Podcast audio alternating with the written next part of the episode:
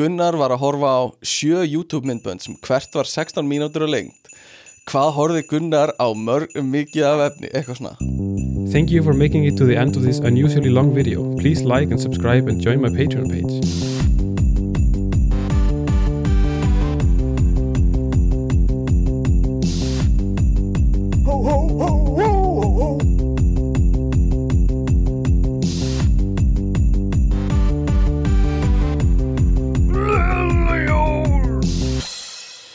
Jæja, Dragon Laser, litli minn Ertu búin að gera kontentið þitt í dag?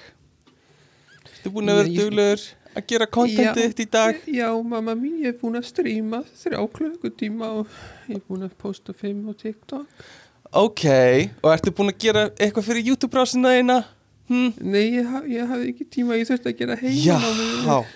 einmitt Ég þurfti að gera heimanámið mitt. Einmitt, litli Dragon Laser. Nú ferð þú beint inn í herbyggið þitt og þú tekur upp content. Ha, bara hvað sem er. Taktu Já, bara upp to myndband Eh, Mamma, ég vil vera verkfræðingur, ég þarf að gera störfræður. Dragon Laser Þú verður content creator í ah, Þú gerir okkar gráhærð. Eitthvað svona uh, Hérna Köttu fóreldrarnir bara Hvað gerðum við ránt Hvar fórum við vittlust Hvernig færa hann þessar hugmyndir? Uh, Nei, hérna vel, Hvernig ætlar hann að e- e- e- eignast einhverja peninga sem einhver verkfræðingur? Já, nákvæmlega, er Þetta engin er peningur alveg því. bara dead end career, sko. Þetta er það sko. Uh, Talandi, tveir verkfræðingar hérna talandi sko Þetta er gjörsamlega dead end career uh, Þú ert búin að flýja land. Að creata content. Hvað ert þú búin að kreita mikið content í vikunni? Það fyrir að vera fjórir klukkutímar sem ég er búin að gera í vikunni. Uh, En það er bara svona uh, Það er bara, þetta er lífið. Hérna Velkomin kæri hlustendur í hvað, 140 Þátt 140 af uh, ekkert að frétta. Uh, Ég var að hugsa hvernig væri best að þýða þetta uh, á ensku ekkert að frétta. Mm. uh, og ég var að hugsa eitthvað svona það er svo lúðalegt að vera með eitthvað svona no new news eða eitthvað. Uh, sem er bara NNN bara no nut november skamstöðunin sko. Um, þannig ég var að hugsa líka eitthvað svona nothing's up eða eitthvað svona. Uh, en ef þér dettur eitthvað í hug endilega, uh, bara bæði þú Björgun og hlustendur. Uh, hvernig á því það ekkert að frétta? Um, en velkomin. Við hefum pælt í þessu lengi, sko. já ég veit það. nei nei þetta er ekkert í fyrst skipti. En hvað segirðu, hvað er að frétta? Ekkert. ekkert. Dindrulilinglinglong búm, velkomin. Uh, og hver eru styrtara uh, byrjum bara á hlaupum. Ég held að raunin dagsins í dag sé Monster tekið upp Mhm. hérna á lögadagsmótni eldsnemma, klukkan er að detti þrjú og bara Beint, ég sá þið bara labba sko Já. úr sefnurbringinu og beint inn og bara settist og byrjaði að taka bara á nærbuksunum og ekki einu sinni búin að reykja morgun síkarettuna sko uh, og hérna uh, styrtar alveg þáttur í dag það eru uh, lang hlauparar langklauparar Mhm. Þarftu að fá skilaboð frá uh, einhverju til marathon? Ringdu í langklaupara dundur og dun langklauparar eitthvað svona. Mhm. hvert fór hann? Frá eitthvað? Hlaupum hámark 42 km Já, já, max 42 km uh, Annars tartu ultramarathon hlaupara. Um, En hérna uh, Við erum með bara fína þátt held ég í vikunni. Það er að við erum svona að skríða yfir í desember Skríða að nær og nær jólum. Uh, Þú kemur heim einhvern tíman í desember. Ég Mhm. uh, svíkðu um ferðina sem ég hef búin að lofa að koma til þín í desember. Uh, þetta er alltaf svona. Desember er mikil vonbreiði Já. ég er alveg búin að þú veist ég að sko síðustu mánuður er alveg búin að vera svolítið erfir Mm. að vera svona að vinna einn heima og Já, ekkert, ekkert svona einhvern veginn vinna eða tengslanett sko. Nei. en ég hugsaði alltaf sko að það verður nú gott að það er Stefán já, ég veit það En ég það verður gott að fá hann sko Það eru svona nokkri hlutir sem ég er búin að vera að hugsa uh, Þú veist, ég hérna hefði komið að heimsækja þig ég veit það ekki sko, kannski í vikunni 10. til 14. eða eitthvað já, já, og svo koma Svo- fjóri dagar já, svo kemur þú heim Svo ég. átjónda sko. ég veit það uh, ég vildi bara að sína þér að frábæri Já. borg sem ég er búin að vera að búa í sko. en við förum í En- gauraferð bara út og, já, já, við förum í gauraferð og hérna engar kæristur og ekki neitt sko. enga kæristur og, og ekkert sko. um, við en getum fara á svona sex show í Amsterdam svona mörg er ekki eitt nóg ég, ég meina 5, 6, 7 ok, ok. Bara nóg. Já, ok, fæn, förum og sex, já um, En, já, við erum að tegja okkur inn í desember. Uh, Ég er búinn að kaupa gjafir handa sjálfur mér. Ég gerði bara, í staði fyrir að gera lista Þá bara ákvað ég að kaupa jólagjafir og, og hugsa svo bara að ég bjóði fólki hvort það vilji gefa mér það. Þú veist svona Svona, þú ert búin að læra af mömmu minni þannig sko. Já, já, já, já, já. Bara kaupa handa mér og svo segi ég bara Vilt þú ekki gefa mér þetta? Um, Og uh, ég fór á Ég fór á svona jólasýningu uh, Í gær Sem var mjög gaman Jólabíó. Uh, Það var verið að sína myndina Holiday Sem er svona Cult classic jólamynd sko Í partysýningu í hérna Í Bíóparadís Þetta er algjör snild Vegna þess að Þetta var svona uh, Mér lákaði að tala við þig um þetta Því þetta var eins og myndin Room uh, Þú veist hvernig sýningar á myndinu Ah, The ok. Room eru? Já, já, Þá þú veist Þá er kallað alltaf eitthvað Þá öskra salurinn eitthvað á myndina Á tjaldið. Já, já, já. Og hérna uh, öskrar á tjaldið Og kastar einhverju og svona. Er þetta, ég veit ekki hvort þetta var planað Eða hvort er eitthvað sem er gert Eða hvort að salurinn var bara einhver töffara salur en þú veist það var eða kom einhver til og með stæða Jude Law sæti sæti-gaurinn í myndinni að kynntur inn þú veist þá klöppuð allir og öskruðu eitthvað svona wow, eitthvað svona. Það var geðvikt sko og, og þegar hérna þegar aðal karakterinn eða hérna einhver konunni var sagt upp eða vondi kærastinn kom á, á tjaldið þá var púað búað og eitthvað svona. Þetta var algjör stemning sko og hérna já. Eitthvað svona Ég, Eitthvað- ég hef ekki farið á svona partysýningar sko, já, heldur uh, ég veit ekki, já eins og segi hvort þetta sé eitthvað svona sem er orðin einhver hefð með þessa mynd já, eins og með The Room, þú veist, það eru tómatarnir sem þú kastar eða Já. eitthvað. Ég sá eða hvort það sé bara svona bara þetta eitthvað eitthvað. svona bara organísk ég stemning sem myndast sko. ég held að þetta sé smá þannig. Og þú veist það voru moment það sem það sem var eitthvað svona viltu koma með mér vonda kærastanum og við getum verið vond par saman. Og þá var öskrað eitthvað no, don't go with it. Eitthvað svona, eitthvað sem öskraði það. Eins og þetta hefði verið, þú veist, eitthvað sem þú átt að öskra í holiday myndinu já, eða þú veist, já, akkurat. eitthvað svona planað sem var algjör snild sko. Og hérna uh, já ég hafði mjög gána ég mæli með að fara á svona uh, partysýningar eða getið. Og ég gerði, það var líka bylting í bíóferðum hjá mér uh, þennan uh, föstu daginn það var ég, við fórum út að borða fyrst uh, á, á staðin Baka Baka sem er svona pizzastaður á kvöldin. Uh, en ég var að koma að staði að þetta er þetta er bakari á daginn. Mm by day it's a bakery, by night a pizza place dun, dun, Einmitt. eitthvað svona. Og hérna uh, og það var einhver uh, þetta var svona tvöfalt stefnumót og þau þekktu þjónin sem var að vinna á, á veitingastænum þannig að, að hérna mér langaði í snúð og, og ég fekk bara póka fullan af bakkelsi eftir þetta. Eftir semst út að borða. Og svo beint í bíóið. Þannig að ég fór í bíóið með bara póka fullan af snúðum og vínabröði já, og það var bara einhver, einhver svona transformativ upplifun fyrir mig að þú veist í staðan fyrir að svona sníka inn einhverju nammi einhverju nóakroppi eða einhverju drasli þá bara eðal bakkelsi inn í bíóin Mhm. sko. sko bíónammið er mjög takmarkað á Íslandi Já. það úrvalið er bara einstaklega takmarkað mm. og það hefur ekki breyst Mm í, ég veit ekki eins og hversu mörg ár ég, ég man ekki eftir neinu nýju að viti í nammi eða veitingaúrvali í bíó á Íslandi. Nei, þetta er bara, einhvern tíman, einhvern tíman kom nammi bar uh, í, í smára bíó eða eitthvað. En mjög víða og ég hef heyrt sögur þú veist, frá Suður Kóri eða eitthvað, Mm. þá er bara að vera þá er bara að vera að serva einhverja kjúklingavængi og bara bara he heilar máltíðir sko í bíó. Nefnilega, er Íslendingar eru bara fastir í bara pop, nachos eða þú veist eða hérna overpriced hlaup eða eitthvað. Já, sem þú veist, það vantar allan svona kultúr í þetta, skilur já, svona, hvar er íslenska matarmenningin þegar þar, þarnast hennar, sko? Bara Mhm. kjami og kók í, í bíói væri snild, sko. Uh, og skata. Skatt kæst bara kæst skötusýning væri geðveikt sko.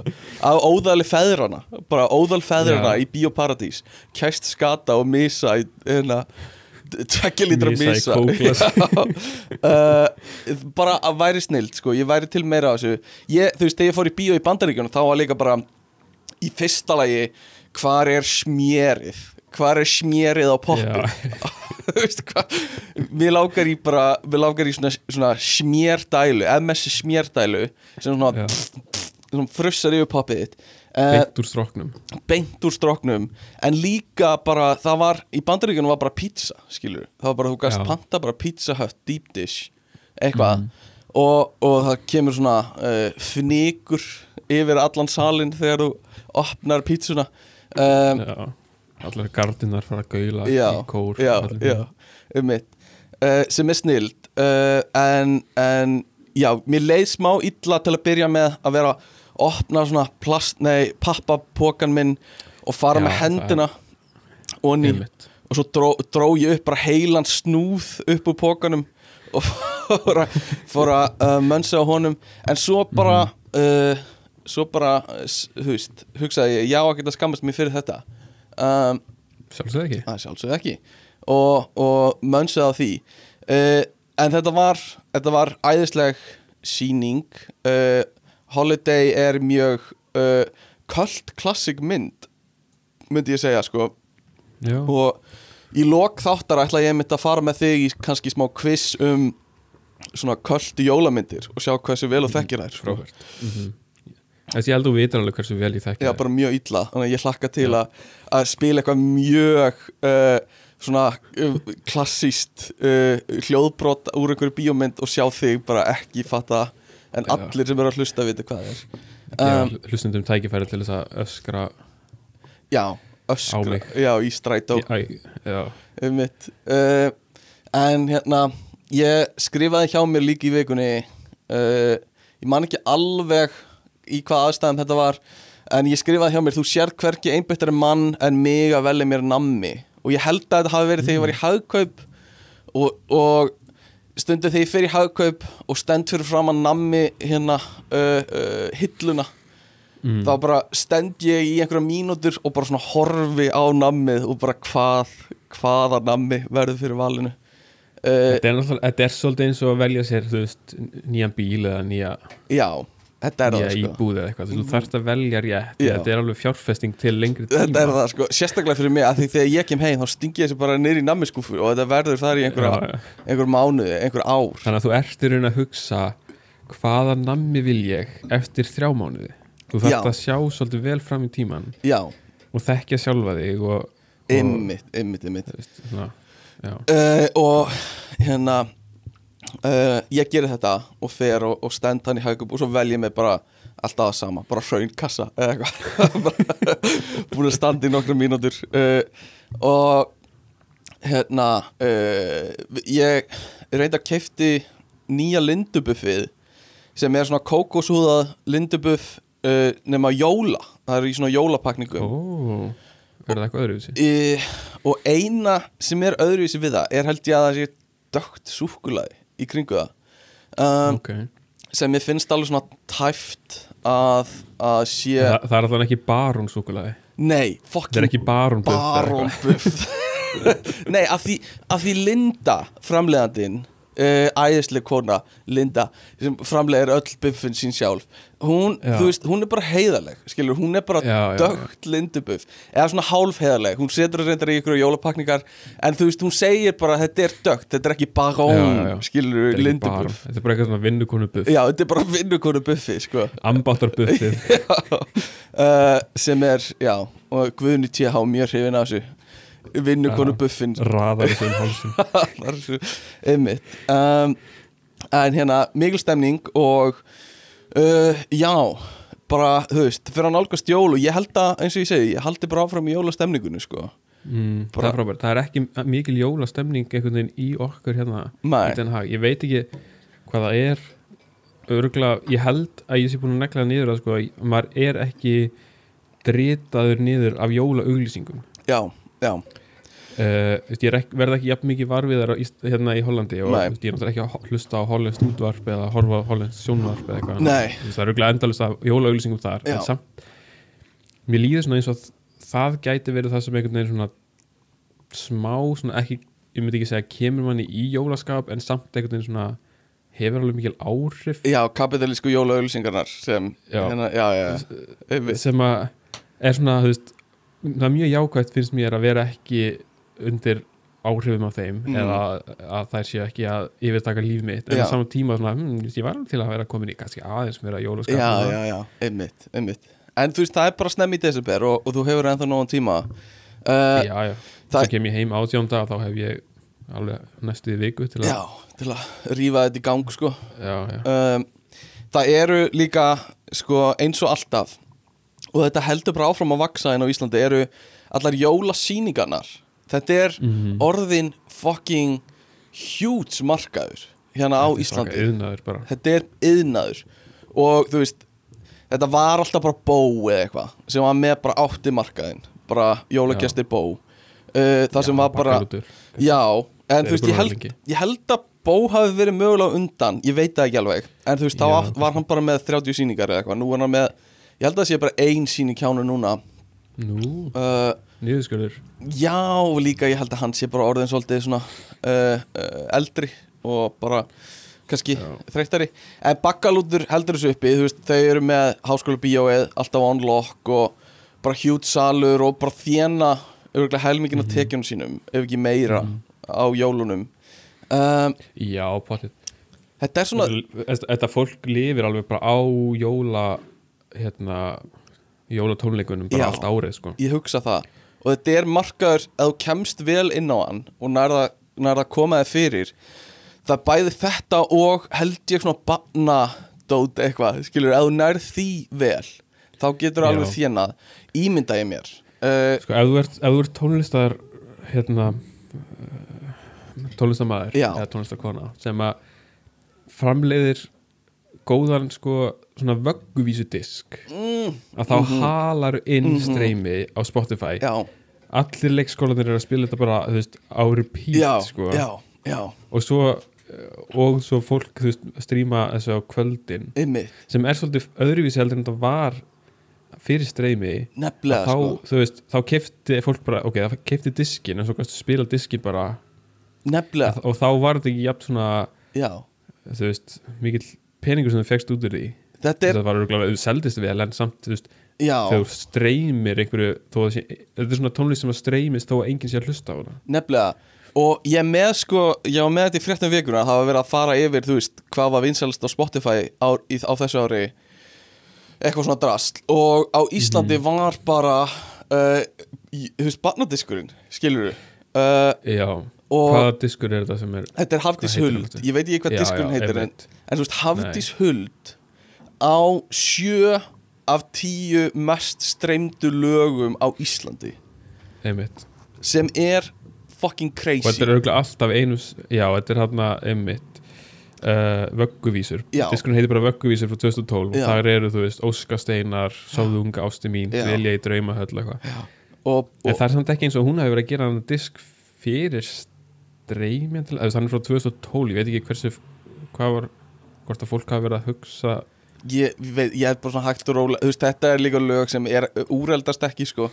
Um, Nei, og hérna uh, mest streymdu plötur Íslands eru einmitt Hafdís Huld vögguvísur og svo leikópurinn Dýrin í hálsaskói með plötuna Mhm. Dýrin í hálsaskói uh, sem er alveg svona svolítið out of left field fyrir þann leikóp sko, bara fólk kælt kannski að væri að fara að vera eitthvað svona hérastupu bakari og eitthvað svona en þá var það bara, nei hérna væri kartimómubærin eða eitthvað en svo var það bara dýrin í hálsaskói skilur Mhm. þau komu algjörlega óvart með plötunni sinni dýrin í hálsaskói frá já, dýrin í já. hálsaskói sko. uh, en mér finnst skrítið að þetta sé svona íslenskt að þetta sé ekki þú veist vinsæðstu lög í heiminum er ekkert eitthvað svona Cocomelon eitthvað svona Baby Shark sko. Það er bara Miley Cyrus og Harry Styles og eitthvað. Um, þetta, þetta er mjög ég veit ekki hvort þetta er mjög íslenskt eða bara að við erum bara með eina plötu þannig að allar hlustannar okkar fara á vögguvísur með hatt þessu huld. Já alltaf ekki kannski eitthvað hannig kannski meiri dreifing úti. En, en þetta var þetta er magna og bara uh, Hardishuld stendur sig ógislega vel og er flottust neldi þetta. Þetta. En annað tengt hérna annað tengt uh, jólatörnin er þetta eru tónlistamenn en svo er þetta líka að verða svolítið uppistandarar núna. Og Já, ef það er einhver sem er að hala inn á þessum tímbili desember, janúar, þá er það Mhm. Ari Eldján já, sem er með sama sal og bakkalútur er með sem, Mhm. en bakkalútur eru kannski 20-30 manns en Ari Eldján er basically einn. ein, eða þú veist, hann er með hljóðmann og kannski ljósamann eða eitthvað svona. Og svo er hann bara hana með jafnmargar ef ekki fleiri sýningar en bakkalútur. Bara- ekkert rót, ekkert rót. já, bara einn mic. Uh, og, og hérna uh, er bara að fucking hala inn sko. rókselur með hana vorum við ekki að reikna þetta um daginn eitthvað hvað, svona, við vorum eitthvað áallað sko tekjurnar hans eða tekjurnar af miðasölunni. Já, gerðum við það í, í þætti? Erum við búinir að tala Nei, ég um held að við vorum, við vorum bara eitthvað að spjalla já, vorum saman, bara eitthvað að sko. spjalla. Ok, já, þetta voru einhverjar 30 miljónir eða eitthvað sem er já, já, já. fyrir mánuð skilur Fyrir já, sem Eða, er, voru þetta ekki miklu meir en 30 miljónir voru við ekki að tala um 100 og eitthvað miljónir ok, þá Er erum ég við ég ég ekki, man en það þetta var allavega fáránlega mikill peningur. Já, fyrir crazy. bara ég ætla ekki að segja fyrir einn mánuð að vinnu því að þetta er miklu meiri vinna á baki Já, að já. semja efnið og prófa efnið og allt þetta. Og líka bara árin sem hann var að þjálfa þetta upp hjá sér sko. Já, uh, já, En hann kom á síningu um daginn hjá okkur á Improv Ísland og var monologisti og var að tala, þú veist, þá kemur hann upp á svið og segir bara, þú veist, sanna sögur sem þurfa ekki að vera finnar til þess að gefa okkur innblástur og þú veist, hann bara neldi það, skilur, hann er bara fucking fyndin og hann er bara bestur í þessu, eða þú veist, hann er Já, ég menn hann er bara mjög vel að þessu komin Eða, veist, það er ekki eins og hann sé eitthvað nei, rip, þetta er ekkit rip-off þannig að, að fara á, á síningu hjá honum þú veist, þú kannski borgir einhverja þúsund kalla Já. þú veist, bara, hann er fucking góður í þessu. Hann má eiga það kallir hann má eiga þú veist, hann er sko uh, hann er að semja nýja síningu mm Mhm. áramótaskopið hans hann er að semja nýja síningu á hverju ári já, já, á meðan að kannski eins og Björki Halldórs hann er alltaf að syngja sömu lögin eða Frostrósir það sé kannski eitthvað svona ný ný útfærsla eða ný eitthvað Mhm. útsetningar eða eitthvað þá er þetta samt endur endurunni efni sko já, já, já, en já. hjá honum, hann þarf að framlega allt nýtt á hverju einsta ári nýja uppistandasýningu á hverju einsta ári einmitt, einmitt. Uh, sem er magnað ef maður hugsa um það sko en það sem gleymist oft er þú veist við erum með nýja uppistandsýningu í hverju viku sko sem er, ah, uh, já, það er, sem er eitthvað sem hann er ekki að gera skilur uh, já, það er góð punktur. Uh, ég var ekki búin að hugsa um þetta. Nei, ekki kannski eftir þið að Nefnilega sko. halda svona jólasýningar og fá einmitt. Uh, En já, uh, annað Ég var gestur líka í hlaðvarpstættinum Grísinu þrýr uh, Aftur, ég var gestur fyrir nokkru vikum og var gestur aftur núna. Ég held að sé að, að miklu leiti vegna þess að ég á upptökudót og hérna uh, þeir, þeir þurftu að taka upp og, og báðu mig um hjálp. Og ég var bara Mm. mm. í staðan fyrir að sitja við hliðina og hlusta á þá já, þátt þá svona, viltu ekki Æ, ég viltu ekki bara vera með? Já, uh, mikil vorkun uh, En það var ókslega gaman, ég mæla með að, að tjekka á því. Þetta eru, ég er búin að hlusta, er mjög skemmtilega þáttur. Já er það Ertu búin að hlusta á nýja þáttinn Sem var að koma í Eh, síðustu viku eða eitthvað? Já, Já, uh, af því ég var, já eins og ég segi Ég var fyrir nokkur vikum líka uh, Líka mjög skemmtilegt. Uh, það er mjög skemmtilegt podcast sem uh, uh, ég held að ef að hlustundur okkar hafa gaman að þeir hlusta okkur og eru ekki að gera þetta að einhverju þurfa að hlusta á okkur. Einhverju skildur ekki. Já, ef þeir hafa gaman að því þá hafa þeir örgulega gaman að því að hlusta á grísina þrjá. Um, og hérna það eru svona grínistar sem eru skim, Það eru alvöru grínistar, alvöru grínistar Mentaði grínast já, já. og maður Við erum bara, amatörs já, ef, ef það sko. Ef það, en við höfum samt framleitt uh, uh, tvo klukktíma uppistandi í hverju viku, þetta er náttúrulega bara uppistandi. Já, þetta er náttúrulega bara eintöld uppistand Uh, nei, en, en þetta, er, þetta er skemmtileg menning sem er að þráast í Íslandi. Ég er ánægð með að jólamarkaðurinn sé ekki lengur bara í hafnafyrði heldur er jólamarkaður fyrir uh, tónlistafólk og, og um, uppistandara og grínista. Og við í Umbrjá Ísland eru líka með uh, jólusýningu, við erum að reyna að koma okkur inn á hann markað. Jólasýning Umbrjá Ísland, jólagestir Umbrjá Ísland eða eitthvað svo leiðis mm. um, sem verður uh, mjög skemmtileg síning og vona sem flesti koma á það. Uh, en er eitthvað, þú veist, eitthvað frá þér? Eitthvað sem þú vilt tala um eða? Já, mér langaði að tala um þannig nýja introið sem þeir voru að spila í Já, síðustu þætti. og Gummi. sem Já, já, já. Já, já, já, sem er væntalega, eða ég veit ekki, það er kannski þar síðasti þáttur þegar þessi þáttur kemur út. Já, já. Einmitt, uh, sem að ég hafði mjög, mjög skemmtilegt Mhm. og ég hlakka til að sjá loka útkomuna eða heyra loka útgáfuna. Já, já. Uh, en hérna ég plataði sko unu til þess að gera hennar útgáfu Nei, hættu, haltu kjátt e, e, sko, e- eiginlega bara um, sko, um leið og ég heyrði hérna þú veist, þegar þið voru að taka Taka upp þetta það klippu þarna já, fyrir já. einhverjum mörgum vikum síðan Já. það var fyrst sem ég hugsaði bara, ok, þá væri gaman að heyra Aðra út, svona, já. annað take, sko. Nei, haltu kjátt sko. Ég vissi ekki af þessu fyrir ykkur hlustendur. Mér finnst það ótrúlegt. Og að það hafi gefið henni sko verstu söngklipur sem eru til. Uh, Það er ótrúlegt. Ok, ég, ég vissi að hún geti gert eitthvað mjög, mjög gott út úr Mhm. þessu og hérna Unna er sem sagt Við- og- uh, Já, kærasta þín er í tónlistanámi úti. Hún er svona, svona hún er að læra svona raftónlistar smíð Eitthvað. Smíði, Já. mætti segja. Já. og þú veist, ég, þú veist, hugmyndin er ekki að- eitthvað svona one-up að það sem að Gunni er að gera. Það ég vil ekki að það komi Jú, þannig út. jú, jú, jú, jú, bara jú. vegna þess að ég vissi að hún myndi vera um eitthvað allt annað Ok, take ok, og ok. allt öðru sér sko. Þannig að hérna en ég, sko, ég held að bara daginn sem að þátturinn kom út þá eitthvað svona vorum við eitthvað að vinna í þessu saman og Já. gerðum eitthvað bara bull. Og svo daginn eftir þá hlustuðu á þetta og bara ok, þetta er eitthvað alveg hræðilegt. Já, geimdum þetta bara í einhverja vikur. Aha. Uh, svo bara einhvern tímann í, í þessar viku þá fórum við svona aðeins að endur skoða þetta. Mhm. og þá var svona að það kannski gæti alveg virka og Ok. svona unnum þetta aðeins meira. Þannig að ég ætla að oh, Senda þér. God. Sendu mér linkin Shit, hvað ég er uh, spenntur. hérna, þetta er, já, ég veit ekki að, hversu full unnin útgáfa þetta er. Uh, en hún er alveg áheyrileg. Ok, já, og þú náttúrulega ert að heyra þetta í fyrst skipti þannig að þetta er bara alveg ferst sko, fyrir þig, alveg.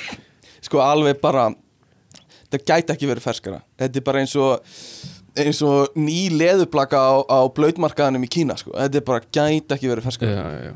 Ok, og ég kom með klippuna og við ætlum að spila hana saman núna og ég ætla að hlusta. Oh my god, þetta er crazy. Ok, einn, tveir og Hvað er að frétta? Hvað er að frétta? Það er ekkert að frétta.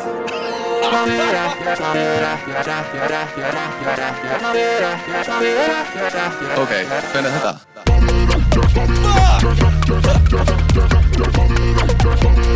Það er ekkert að frétta Söngbreytið þín, hún er föst í svona mál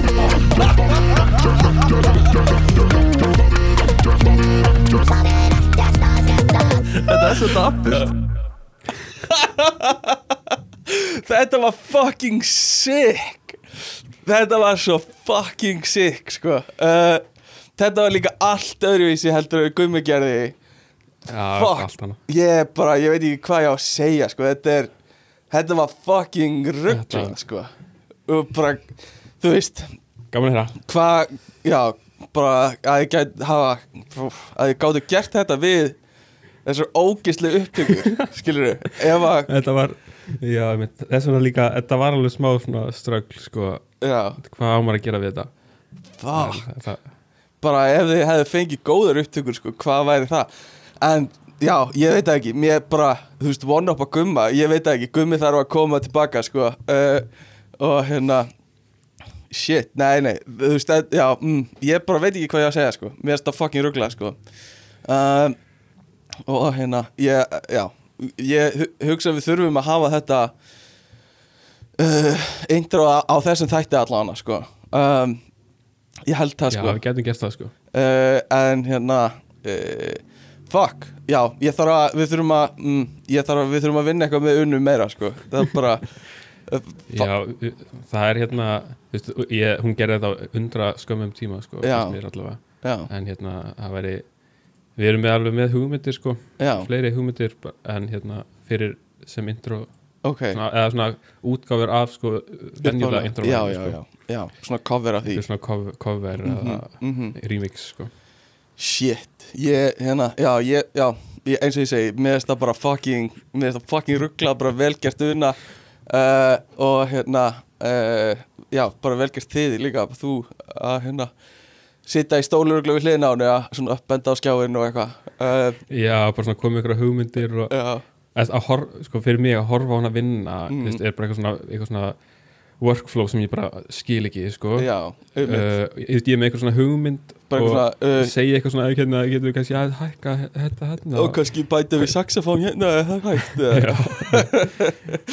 Já, og svo bara gerir hún einhverja magic. Já uh, bara uh, ótrúlegt sko. Og hérna uh, já, vá, ég bara þetta var geggjað, ég, uh, já, eins og ég segi eh, meira frá unnu, þú veist, alltaf. Meira frá unnu, takk. Og við, ok, þið miður þú veist, við verðum að halda áfram að því ég bara, þú veist, ég er bara orðlaus yfir þessu, þessu hluta og get ekki, veit ekki hvað ég á að segja.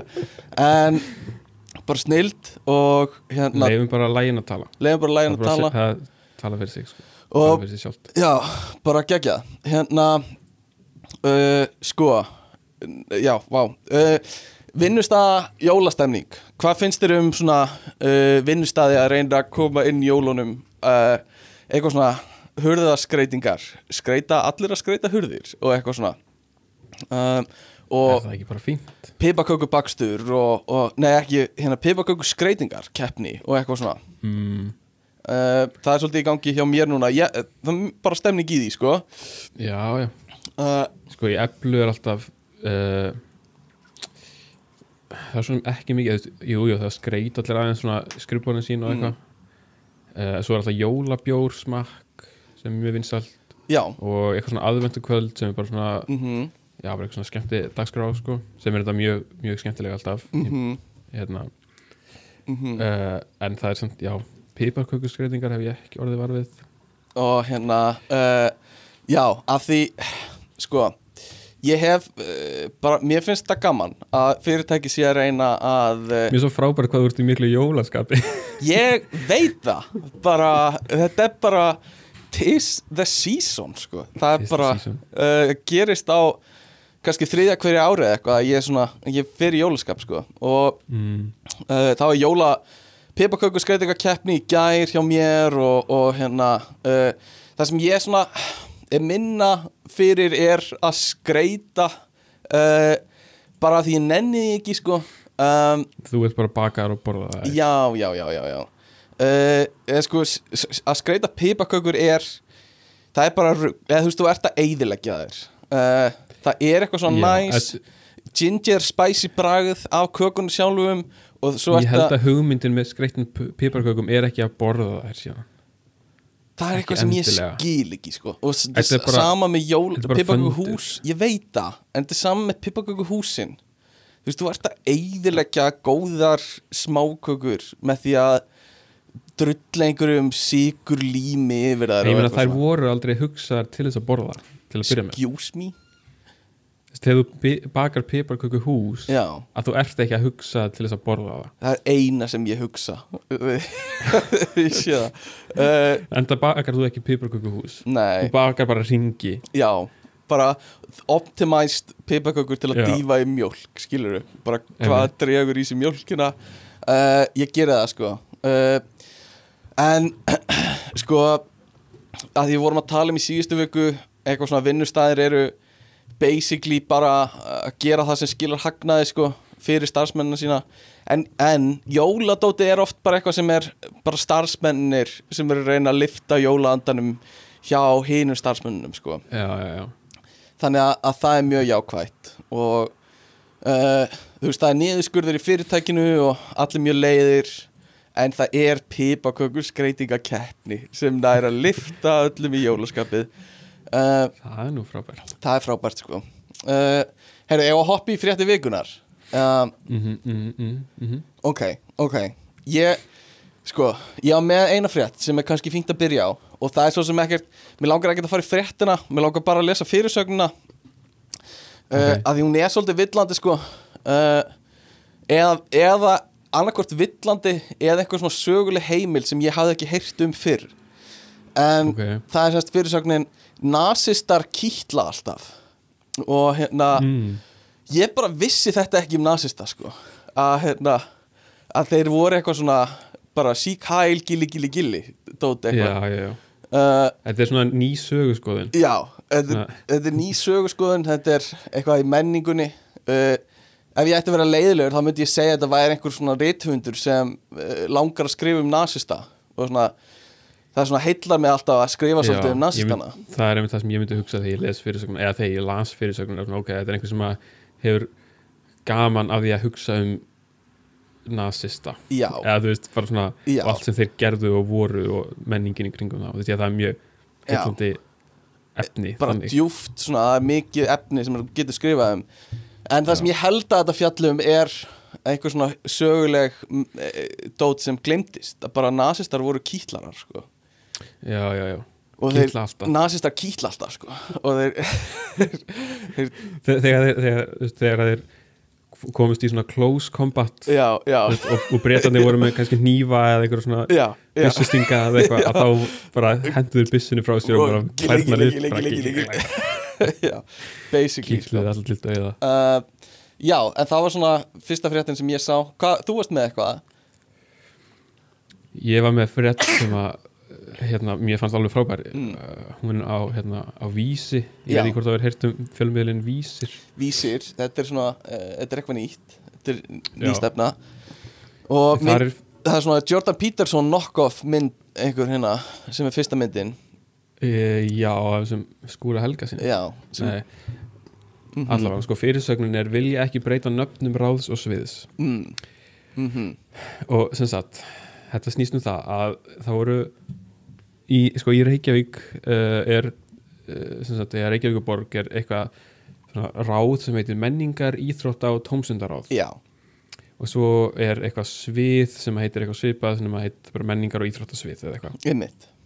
Ekki tónstunda mm já, Já. og hérna nema sjálfstæðis uh, fulltrúar sjálfstæðisflokksins þeir leggja fram tillögum að breyta nafni ráðsins mm, og sviðsins uh, þannig að í staðan fyrir að menning sé á undan mm að þá sé íþróttir á undan. Já, þetta er heitt mál þetta er stórt Eh, mál. þetta, skiptir máli. Mm uh, og þeir sko þeirra raukundafærsla er sko að hérna bara hafa þetta í stafrósröð já, já, já. Veist, að, því að e- ef þeir eru ekki í stafrósröð þá lítur út eins og að eins og borgin sé að segja að menningin Mhm. skiptir meira máli heldur en íþróttunar einmitt, einmitt, einmitt uh, einmitt, þetta er, er stórt en þú- mál sko. þetta er bara, þetta er rosalegt sko. ég man En að afi minn talaði mikið um þetta sko, bara Já, búið að ræða þetta bara, veist, það eru sko. rítdeilur sko í marga ár, já, þetta er rosalegt sko. hefur deilt bara skipt fjölskyldum í tvent sko. Já, já og, En þú veist, ég, þegar þetta, það, það sem er líkt þetta líktar af því fyrir mér Mm. að sjálfstæðismenn séurinni að segja við viljum hafa íþróttir undan Já. En við notum stafrósöðuna sem bara svona útskýringu af hverju við viljum hafa íþróttir á undan já, menningu. Já, já. Þetta er bara svona eitthvað sem skiptir engu engum máli, nei. Ekki nokkur máli, þú veist, eitthvað þarf að vera undan hinu í einhver svona upptalningu. Já, já. Og, og svo þú veist, hérna, fulltrúar meira hlutans mm. er, er, þetta höfnuðu þessu. Að sjálfsögðu. Skilur, einhverju bara raunhyggju menn skilur, og raunhyggju fólk sko, að bara að horfir á heiminn eins og hann er ekki eins og eitthvað svona draumsýn skilur Nei, akkurat. Já, og þeir segja þú veist hérna að, að, þú það, það hefur aldrei verið þannig að stafrósröð mm. það er ekki venjan að stafrósröð ráði einhverju í þessum hérna ráðum. Já. bara gó, góð að- rök, bara slam dunk skilur, hvað segir Já. við þessu? Skilur, stafrósröð er náttúrulega bara trompar allt. Já, það, það hlýtur að vera. Já, einmitt uh, Hvað þá Star Wars röð sko Þannig að Þú veist, þetta er Já, Star Wars röðin er sem sagt 4, 5, 6 Já. 1, 2, 3, 7, 7, 8, 9 Já Það er nefnilega Það er nefnilega málið sko Þannig að Þetta er Þetta er stórt mál sko uh, Og ekki seinna vætna að við set, leggjum orð í belg sko Og segjum Nei. bara það, ég, ég er ekki að sjá neina svona, þú veist, Snorri Másson Ritstjóri er ekki að tala um þetta. Frosti Loga er ekki að tala um þetta. Nei, nei veist, við þur, það þarf einhver að ræða þetta. Já, og þú veist, vísir með þessa grein. Ok, ég veit að þetta, vir, þetta er örgulega ekki jafn mikið mál og veist, vísir skrifar það. Já. eða, þú þetta var örgulega bara eitthvað svona einhver hugmynd Mhm. sem var svona skrifið niður og svo sagði hérna bara nei. Já, já, já. En það virkar svona, þegar þú skrifa heila fréttum að þá virkar eins og þetta sé eitthvað svona sem einhvern hafi fundist þér að stór mál sko. Já, en ég gríp hérna niður í komment sem er skilja eftir á þessari frétt sem ok, Facebook komment sem Hafdís Björk Lagstall setur við þessa frétt. Og það er svona Jésús minn, það er hægt að búi til vandamál uh, úr öllu. Hvernig væri að þið segðu öll af ykkur í stafrásröð bara í, í, nýttið í Star Wars röð. Þannig að starfarsröð fyrst, sá sem er í þriðasættalistanum segir fyrst á sér Já, fjóraða, fymta og sjötta, já, um mitt. Uh, Bara mjög verðt að tala um þetta og vekja aðtegla á þessu, sko. Uh, Komið tími til, sko. Mhm. uh, Ef að hoppa í næstu? Mhm. mm, mm sko, þetta er hérna þetta er vísir líka sko, Mm. með aðra mikilvæga frétt uh, sem að Oddur Ævar Gunnarsson skrifar. Fær, Fær penni. Er já, örgulega tilnæmdur fyrir blamannaverlun Já, ég hefði haldið það, sko verðskrá fyrir magnpóstu lögð niður. Við höfum nú áður rætt hérna uh, sko, skerta þjónustu post, Mm. póstsins. Uh, og þetta er þetta eru breytingar, mikla breytingar sko. Já, frá og með 1. janúar verður sérstök verðskrá fyrir magnpost lögð niður mm, og flokkarnir almenn bref og magnpostur saminaðir þetta kemur fram í tilkynningu frá póstinum mm uh, verð á brefum innanlands í 0-50 gramma flokknum verður óbreytt samt ok, bara til þess að hafa þá hreinu já en, en verði hækkar í brefum sem eru 51 til 250 gram og öllum öðrum þingdarflokkum uh, Hvað er að gera hérna? Eh. Þú hvað hva, hva ertu að gera hérna? Skilur, hvað Akkur ertu með þessu fyrir Skilur, ég skildi Ég eina Ég skildi að hafa eina svona ógeðslega ómerkilega frétt.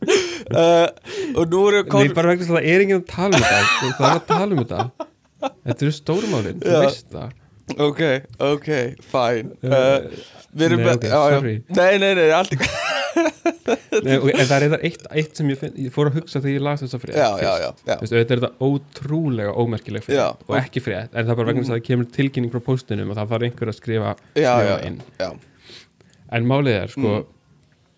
ég fór að hugsa að með því að, þegar fréttir eru svona á vefsíðu eins og vísi mhm. að þá eru allar fréttir sem eru skrifaðar eru með sama plássið veginn já, já, veist, hún er, hún, þetta er bara sí, sín eigin síða, já. það er fyrirsögn það er stór mynd og svo Mhm. einhver texti Mm uh, en þú veist, ef þú ímyndaðir að þú værir að skrifa dagblað, ef þú værir útgifur dagblað þá Já. er þetta bara eitthvað frétt sem væri bara eitthvað svona smá klausa já, já, já. þú veist, einn dálkur þú veist, einn áttundi af blaðstíðinni eða eitthvað, Mhm. og engin mynd sko, Nei, nei, og svo væri þetta bara eitthvað svona upplýsingar basically frá póstinum. Já. en vegna þess að formatið er svona á vefmiðlum að þá fær maður næstu á tilfinningu eins og þessi frétt sé jafn merkileg ymmit og eitthvað annað vegna þess að hún tekur jafn mikið pláss á síðunni sko. já, já, bara þetta og einhver svona hostel takeover á Marel eru bara sama, sama dæmi sko. vegna þess að það er jafn stór mynd það er sama pláss á síðunni. Einmitt. Eitthvað svona það er alveg góði punktur sko og svona kannski ákveðin galli við að, að hérna hafa þessa veðmila það sem þú getur bara bombað inn líka endalaust af drastli sko. já, Uh, já.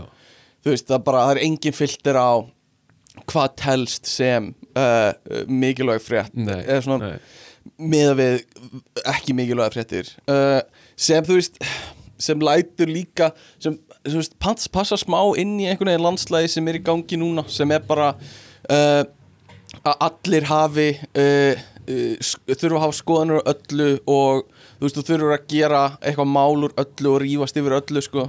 Uh, en já, ég veit það ekki. Uh, næst þá skulum við bara lesa bara ómerkilega fréttir. Fyrir bara yfir yfir, það er eiginlega það sem við gerum reyndar en en þetta er alveg, þetta er alveg sjónum með sko að hérna uh, það poppa líka eiginlega alla fréttir á einhverju tímpótu upp sem aðalfréttin á vísi og svo eftir Já. fimm mínútur er komið nýja aðalfrétt sko.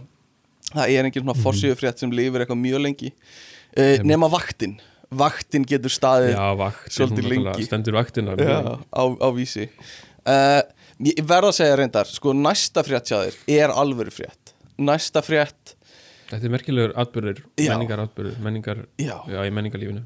Þetta er það sko. Og það er að, að rauða serían er hætt er að leggja niður laupana sko. Um, þetta hefur verið svona heimilis bara bara household item sko rauða serían allstaðar Já. um all land. Um, og hérna rauða það er í stöflum heimi á mér. Já, skilur þau, bara bungum.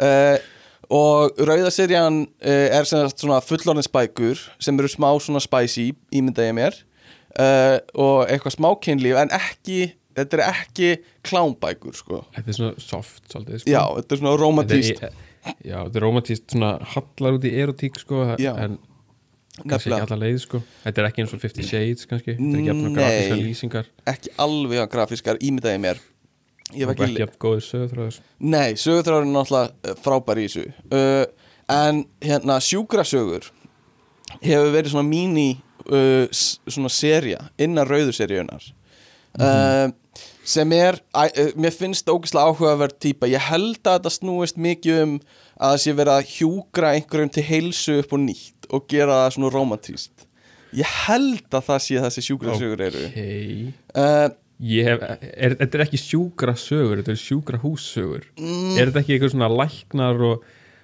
Já, Og- og þetta heitir sjúkra Sjúkra- húsögur sko.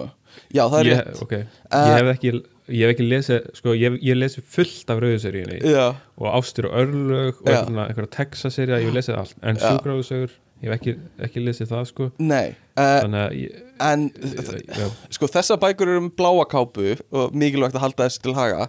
Uh, já, Og sumar gerast af læk, myndalegum læknum skilur, sem er að lækna Mhm. myndalega á myndalegan hátt.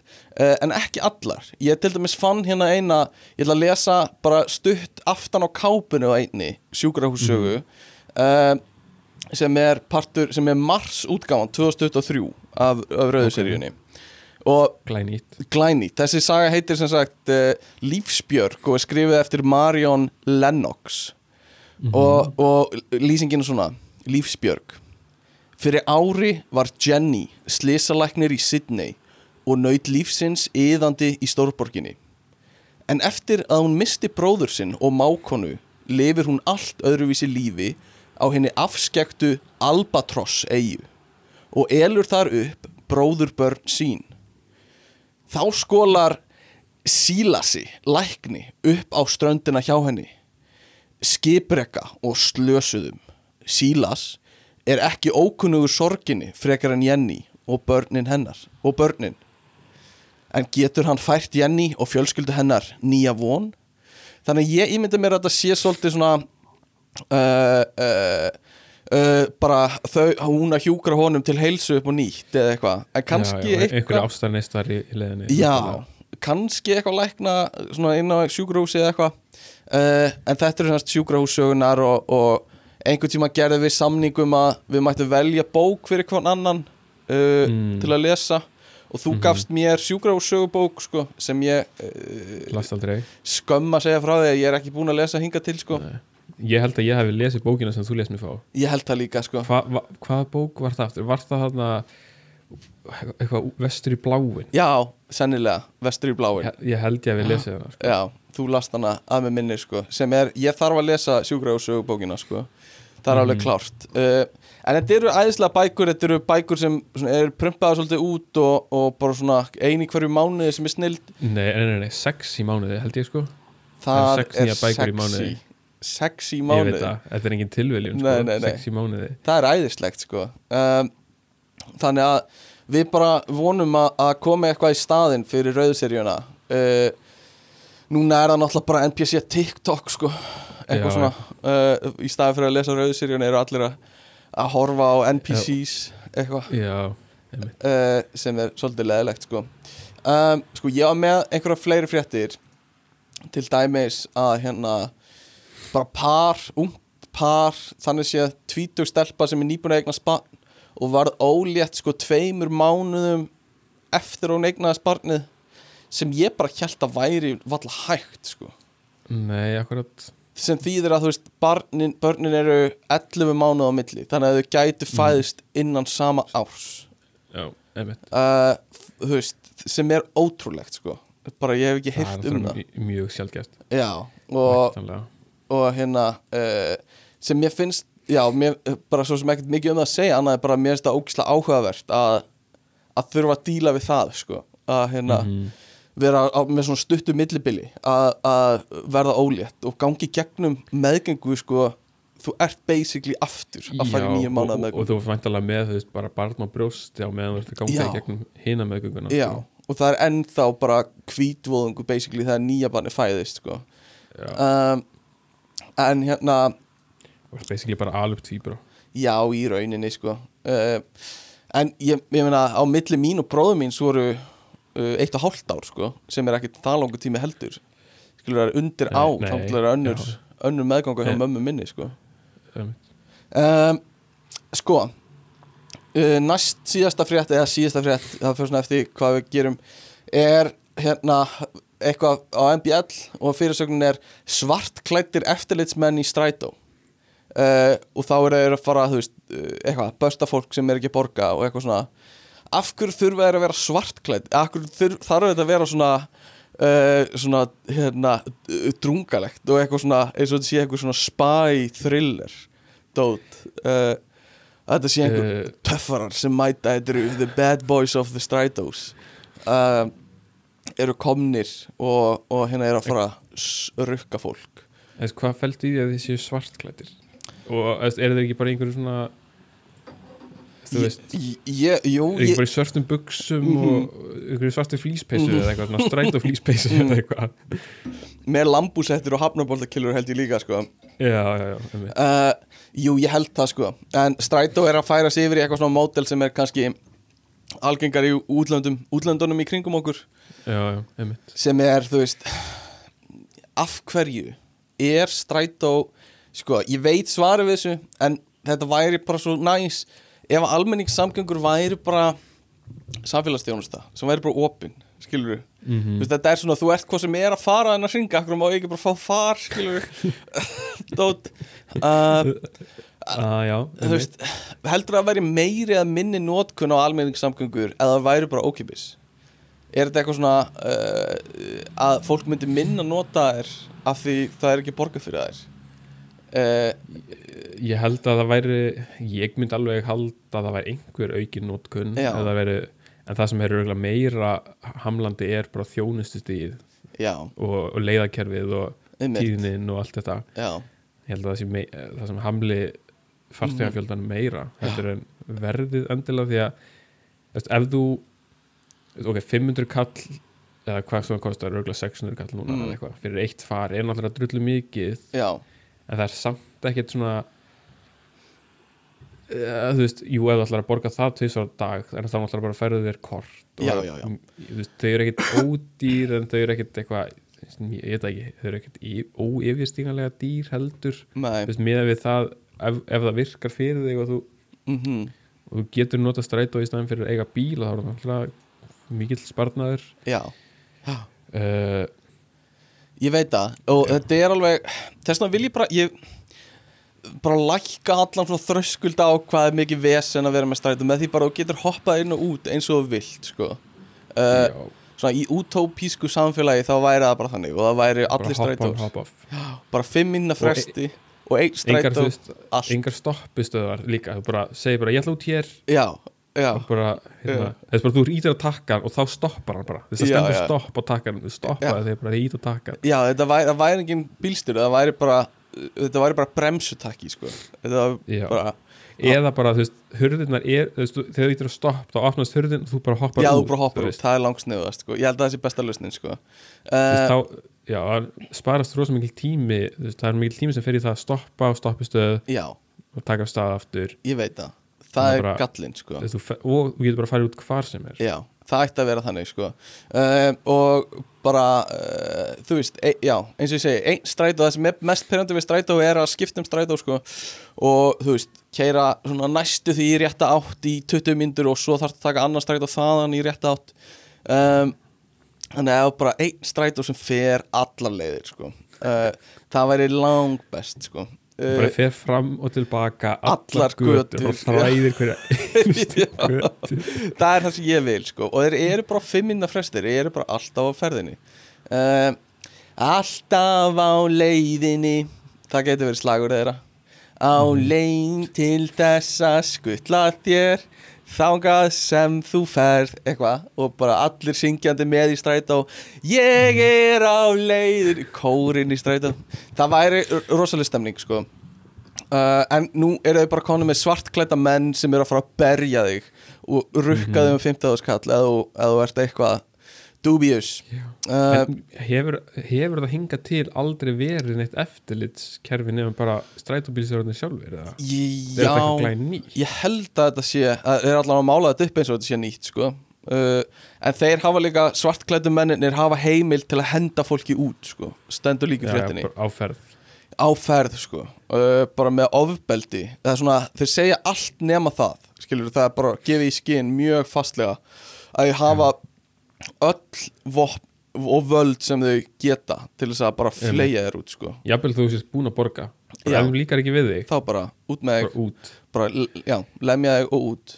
Um, herðu, ég held að þetta sé kannski nóga fréttu vikunar, ég ætla kannski að nefna hana píratakonuna sem var að jamma. Ég bara nenni ekki að tala mér finnst það líka smá ómerkilegt uh, og eitthvað svona fólk var að líka í saman við klustumáli sem það er bara ekki sami hlutur. Nei, uh, alls ekki. bara, uh, það er bara algjörlega eðlis uh, munur á þessum hlutum.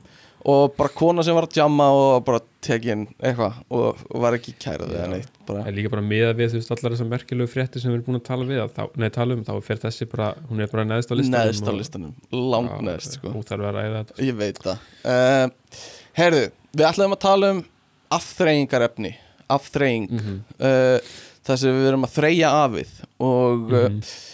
sko, hvað, þetta er huge Þetta þetta er svona uh, veist, við gætum verið með þáttum bíómyndir Og svo gætum við verið með þáttum bækur Og eitthvað svona tónlist og eitthvað En þetta er bara þáttur um allt, sko uh, Í rauninni Bara, Vi, Við erum svolítið mikið í því að reyna bara að covera já, allt sem við getum í einu þætti og þá þurfum við ekki að taka nefnilega, sko. Setna sko. og það er, það er líka svona manifestóið okkar er þú veist tilgangur þessa hlaðvarps er að kofra öll topic sem eru til.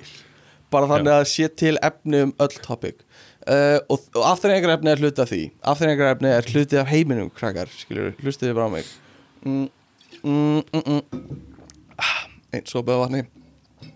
Þannig að uh, hvað, þú veist, hvað sér þú fyrir þér og, og veist, ert þú mikið að leita í afþreyingarefni til að uh, þér til dagra styttingar sko? Já og líka bara til þess að fresta því sem að öðru sem ég, veist, mínum skildum já mm bara í lífinu Já. uh, uh, já og einmitt, sem eru náttúrulega á, á, gríðarlega því á miklu að vera að vinna já, veist, já, á að vera því ætti að vera þvó þvótt eða eitthvað en þú veist. Ég veit ekki, YouTube er bara það er bara þannig, ég veit það. Og það er svona sogamennin þannig að þú ert sennilega eins og ég. Þú færð mest af þínu afþreyingarefni í gegnum the tube, the YouTube.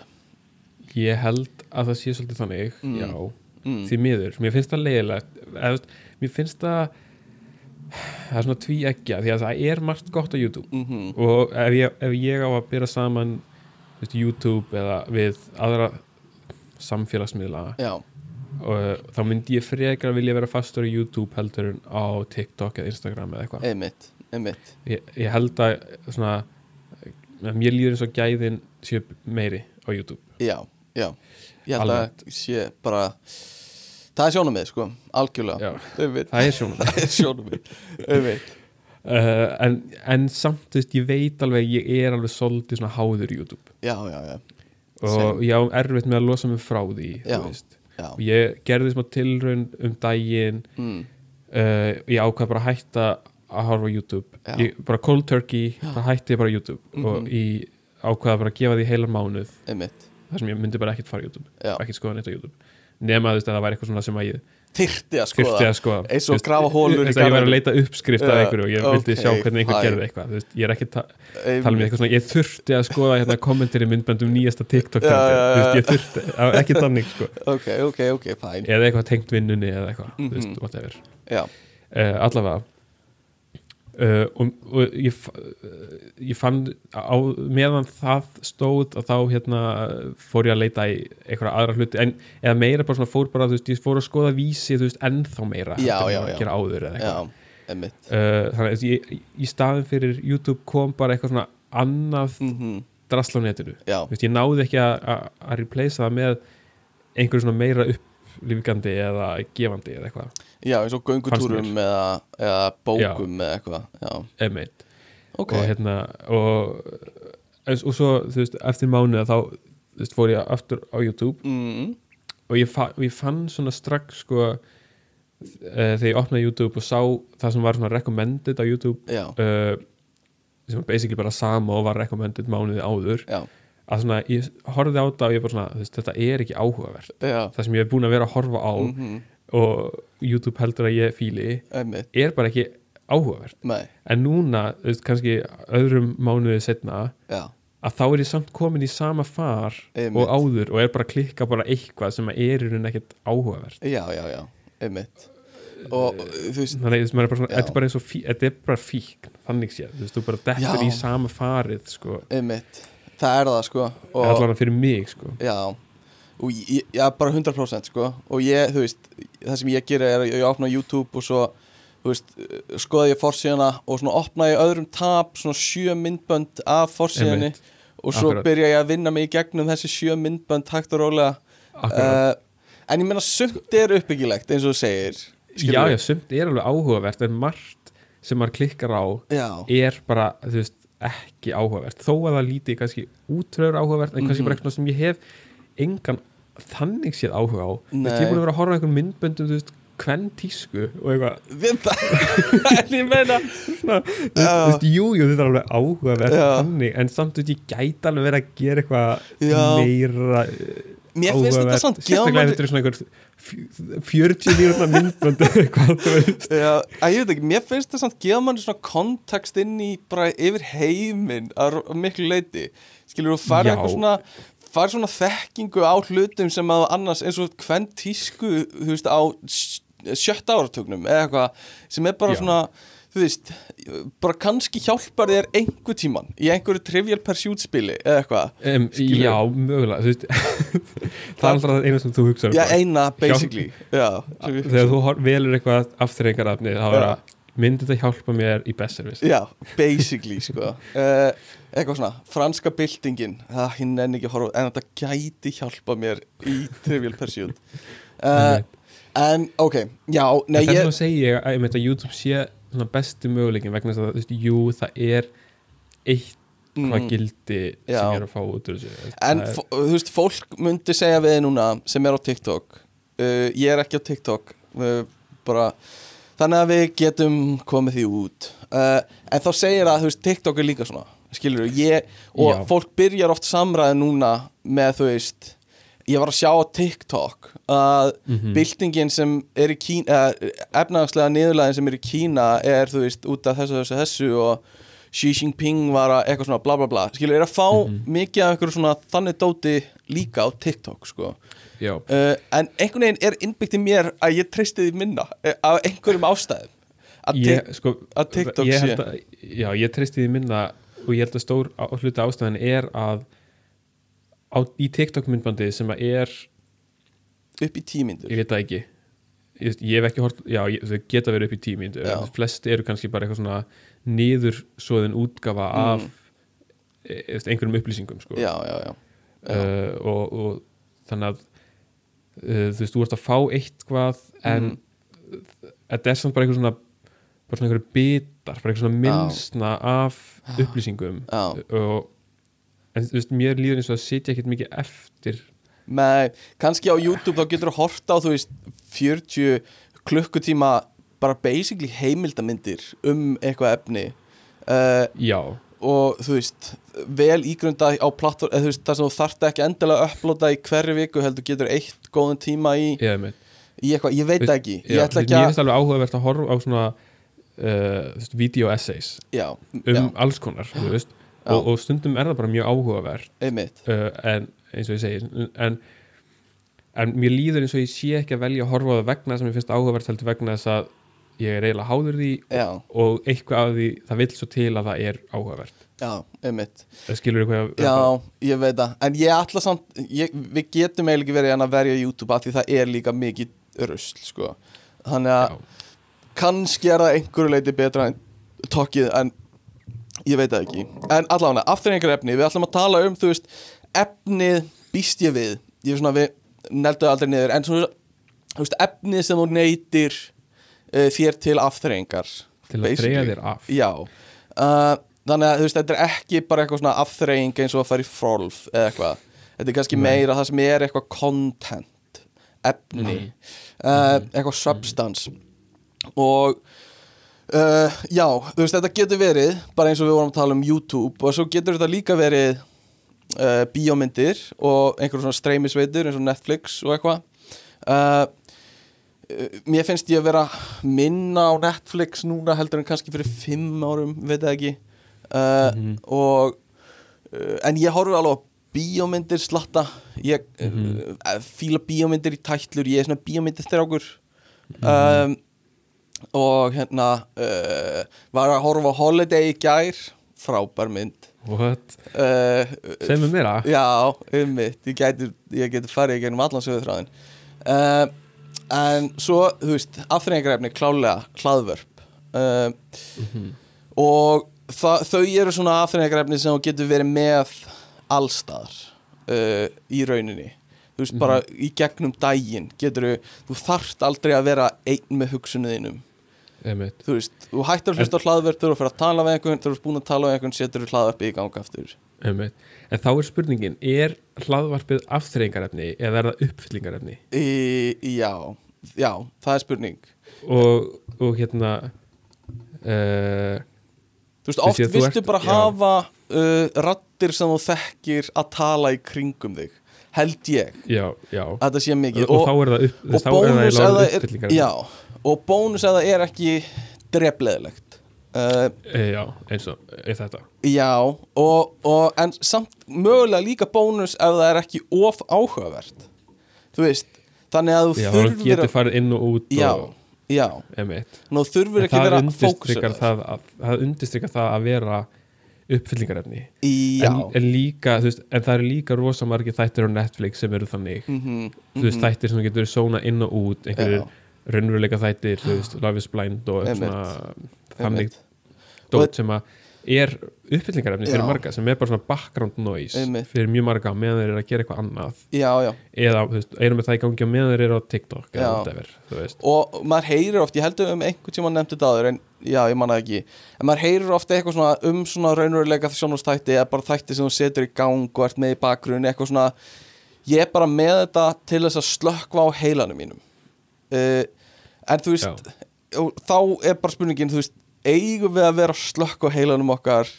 Þú veist, er það holt eitthvað svona, þú veist, ég ger það sjálfur mikið, Já, ég- ég er ekki að segja eitthvað svona til þess að að vera frá einhverjum háum hesti. Ég er bara að segja þú veist, ég hef heyrt einhver svona rök gegn því að þú veist, við eigum ekki vera bara að bara býða þangið til dagurinn er búinn með því að setja eitthvað í gang. Uh, já, já, fyrir að finna eitthvað sem veitur okkur uh, gleð, eða þú veist, eitthvað sem svona gefur okkur eitthvað meira. Uh, en kannski finnst fólki að vera búið að gera nóg af því yfir daginn og bara eitthvað. Eða er ekki búið að vera að gera eitthvað sem er gefið því eitthvað en er samt drullu þreytt eða er komið heim og búið að gera allt sem það þarf að gera. Mm, og hefur þá samt ekki áhuga á að vera að kafa ofan í eitthvað uh, eitthvað svona ég veit ekki, eitthvað arthouse cinema eða eitthvað, vill bara eitthvað Mhm. til að basically til að drepa tíma þá þarf að vakna aftur Já, og segir, það, sem er ég ekki, su- kannski finnst sumum það bara mjög gott ef þeir finnst þeir búin að vera að gera rosalega mm merkilega hluti yfir daginn í vinnunni og eitthvað sem er þú veist, gefandi og Mhm. uppfyllandi og eitthvað að þá er kannski bara alltaf lægi að að slökka á sér og, algjörlega. en Og- hérna og sumi bara meika ekki, ég þekki mannsku sem bara, þú veist, get ekki látið sér hafa það að horfa á eitthvað sem hefur tilfinningar eða vekur upp tilfinningar hjá þeim eða, uh, þú veist, hefur áhrif á þau einhver svona efni, einhver Já. bíómyndir sem eru sem eru dram, drama bíómyndir sem hafa áhrif á þig eitthvað svona, Mm. þau bara meika ekki að fá þennan svona influx í tilfinningar skilur það kemur þeim úr jafnvægi já, einmitt uh, sem mér finnst sorglegt að því það er fátt sem mér finnst betra heldur en að horfa góða bíómynd sem bara, fátt sem Hefur- þýðist betra en að láta koma þér úr jafnvægi. Já, skilur bara því meira ójafvægi því betra sko. Um, já, þannig að við erum með hlaðverpin við erum með núna líka rosa mikið uh, á samfélagsmeilunum sem er þú veist, aftreyingarefni, ég veit það ekki. Þetta var náttúrulega rosa mikið þegar það var þannig Snapchat stories og eitthvað voru ógeðslega vinsæl. Þegar voru bara svona uh, mér finnst það meira svona influensar heldur en núna. Þessi fólk var að reyna að gera grín í Snapchat storyinu sínum og eitthvað. Mm, ég sé já, minna af því. það er bara, það er orðið TikTok. Já, sennilega, einmitt. Uh, en, en það eru þessir influ, íslensku influencerarnir sko.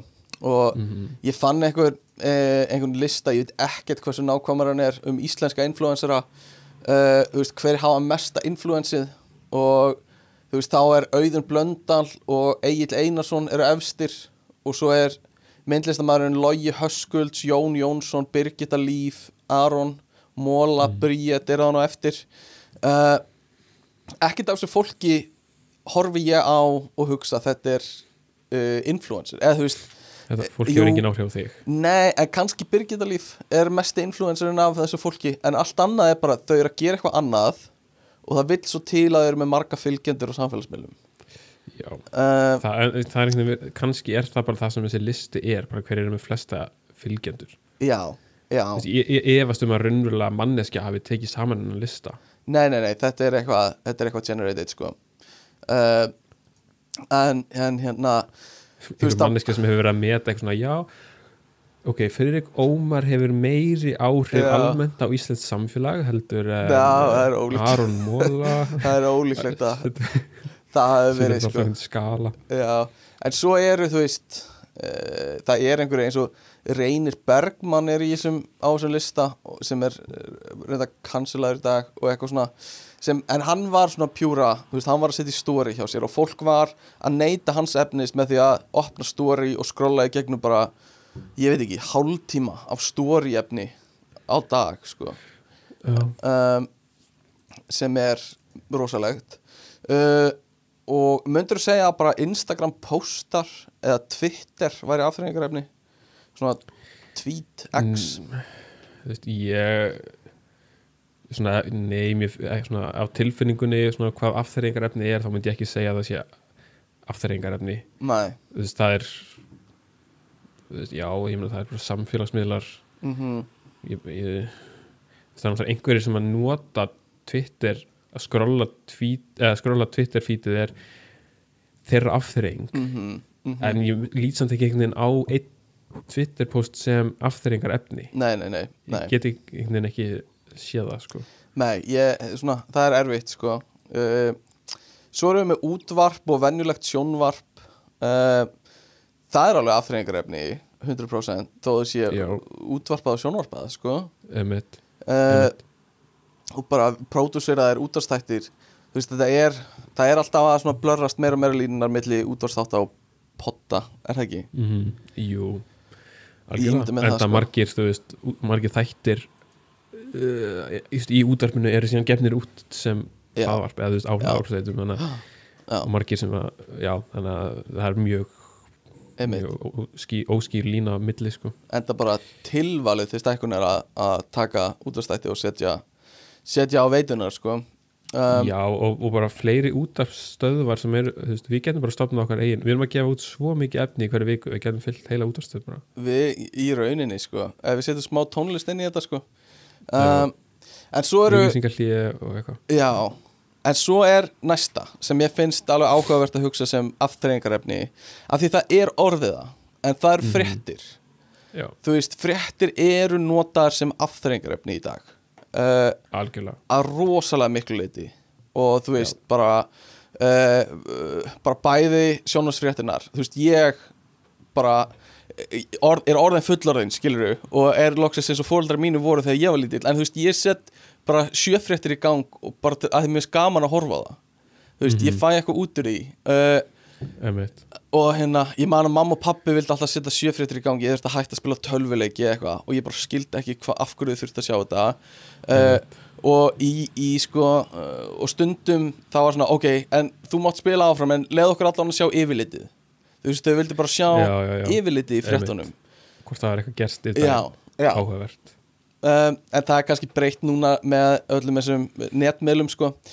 en þá held ég að þetta sé minna úr því að vera sko, að þau þurfa upplýsingarna eins og mamma mín og pappi þurftu. Bara, þú veist, fá bara gerðist eitthvað í samfélaginu í dag sem ég er að missa af. Og þurft að fá það úr yfirlitinu. Yfir í bara að þú veist, þú gerir þetta til þess að hafa ofana fyrir þess að horfa fréttir. E, Já, einmitt.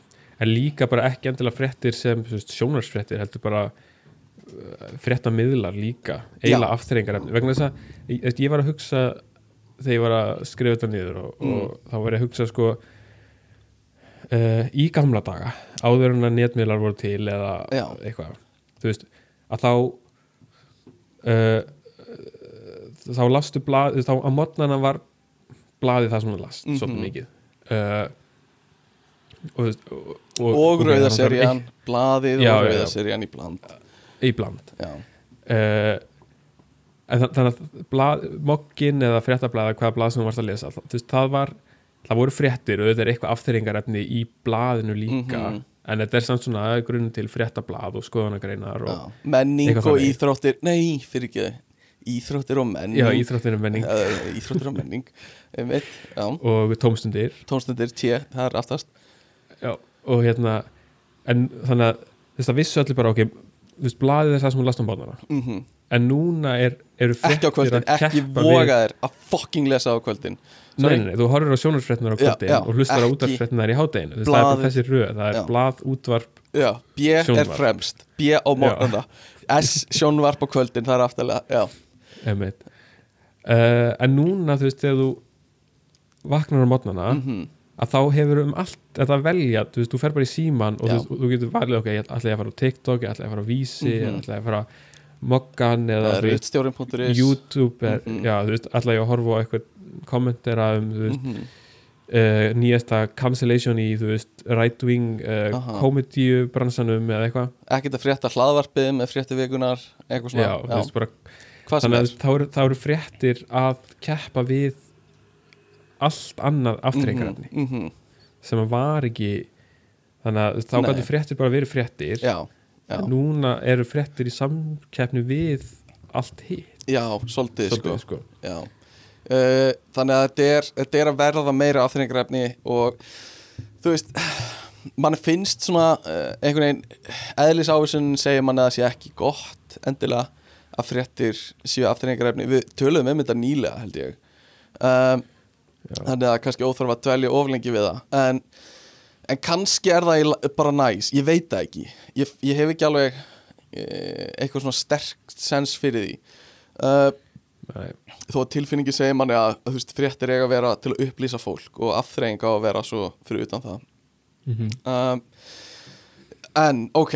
Svo erum við með þú veist tónlist er afþreyingarefni fara á viðburði eins og tónleika eða uppistandi eða eitthvað afturrengarefni manni finnst það menningarlegra það er svona meira Mhm. engaging þú ert að gera eitthvað, þú veist, fara eitthvað um, mm þú ert að sína þig og sjá aðra. Þú veist, þú ferð ekki lengur í kirkju á sunnudum þú ferð á, þú veist, mánudjass eða eitthvað. Uh, Rick mánudjass en já, þannig að þú veist þetta er partur af menningunni. Uh, þetta er ekki partur af íþróttum um, ekki tómstundir? Nei, alls ekki. En íþrótt, horfa íþróttir er líka afturrengarefni, stórt afturrengarefni ja, ja, bara hérna og bara fyrir utan það einhvern veginn að lesa íþróttafréttir uh, ræða við viniðina um hvað nýjustu íþrótt, þú veist, leikmenn voru seldir í ennsku deildinni og eitthvað svona, hvað heldur þú að uh, hvernig heldur þú að vörnin hjá Manchester muni standa sig, eitthvað svona bla bla bla sem að velja í fantasíliði Já, og persónulega finnst mér þetta bara dead boring eða þú veist bara ógæðslega leðilegt uh, að ræða svona. Uh, og hérna, þú veist, ég ég veit ekki, ég skilða alveg að því ég sé svo mikið svona sameigilegt með þessu og bara mér að ræða ég veit ekki, eitthvað, einhverja tækni eitthvað, einhver ný tæki sem er að koma út eða eitthvað. Já, en þetta er bara alveg þú veist, áhuga fólkum bíómyndir er að ræða í hvað nýju mynd Daniel hérna, Defoe er að leika já, já, já, þetta er þannig sko. Uh, nefnilega sko. Þannig að þú veist, það er alveg en mér finnst bara já, ég hef alltaf verið þannig. Bara horfa á íþróttir finnst mér ekkit alltaf gaman uh, svona stöku sinnum en yfirleitt ekki. En að spila íþróttir finnst mér mjög gaman. Og þú veist, að stunda þær finnst mér mjög gaman uh, en tengi ekki alveg við þetta að horfa á þær. Ég held að sé líka bara, það var ekki í, í uppeldi mínu eitthvað mikið gert. Uh, ég held að skipti miklu máli sko. Uh, já, fara á tónleika. Svo varst þú með hérna, afþrengarefni, Arthouse Bio Já, er það afþreying? Að fara, ok, þú, ef þú ert að horfa á Arthouse cinema, þú þú sérst að streyma því eða eitthvað, bara leiðileg mynd bara leiðilega myndir þunglindislegar þetta er bara almennt eh, þetta er svona munurinn á þú veist, eh, og við kannski ræðum það eftir, þú veist, content mm, versus list já, já, já. og versus síðan afþreyingarefni Mhm. að þetta er alltaf einhvern veginn komið í einhvern einn hrærigraut. Og, og svona stórar veist, hérna uh, ég veit ekki, streymisveitur eða svona stór framlýslu fyrirtæki kannski líta bara á allt það er allt bara er content. Já, einmitt. Uh, og veist, allt er bara content til þess að fá meira fleiri hérna, áskrifendur eða mm meira engagement eða eitthvað. Og, og ég held að kannski uh, að neytendur líka eru svolítið kannski einhverjir samdöina því og eru bara mm, líta ákveðin á það að horfa á uh, einhverja fjöldaframleitar jólamyndir mhm, sem í rauninni sömu upplifuna eins og horfa á einhverja svona arthouse bíó eða bara það er ekki að vera arthouse en bara eitthvað svona sem er kannski aðeins meira svona úthugsað eða mhm, eitthvað svona. Eða bara þú getur yfirfært þetta yfir á hvaða mhm, listform sem er, hvort það er bíó eða tónlist Mm. eða mhm, eitthvað. Þannig að svona hvað er líka mörkin þarna á milli uh, það horfir á arthouse bíómynd eða eitthvað svona þannig efni til þess að skemmta þér eða mm, til þess að láta hræri haustum á þér eða, eða til þess að Mhm. gera eitthvað og bara með bækur líka og getur lesið mjög þungar bækur já, er það aftreng eða er það vegna þess að þið finnst einhvern veginn mikilvægt að mm, setja því spór annara og Mhm. upplifa kannski tilfinningar sem einhver annar gæti verið að mhm, upplifa sem þú þekkir ekki og Mhm. fræðast um eitthvað á þess að sé endilega mm, já, þetta er bara eins og að lesa rauðuseríuna eða lagsnes, Já. er þetta jafngilt að er þetta bæði afþreng já. mér finnst eins og afþreying svona uh, tilfinningarlega svona tilfinningi mín er að afþreying er meira eitthvað sem uh, er heiladaukt eða þú veist, þú átt ekki að þurfa að uh, beita þér á það. Skilur það á að koma á þig einhvern veginn. Þetta er svona eins og við vorum að tala um að lesa eða hlusta bækur uh, þú veist að, að, að það á að vera effortless og eitthvað, en þú veist það er kannski bara bull, skilur við, en svona afturrengarefni á ekki að skipta máli. Það er bara til dagra styttingar. En þú ert Já. ekki að læra neitt bara til því. þess að stytta tíma þá þarf það að mæti vinn já, basically. Það Bara er til- afþreyingarefni. bara slögt á mér slögt á mér þangað til að ég þarf að gera eitthvað annað.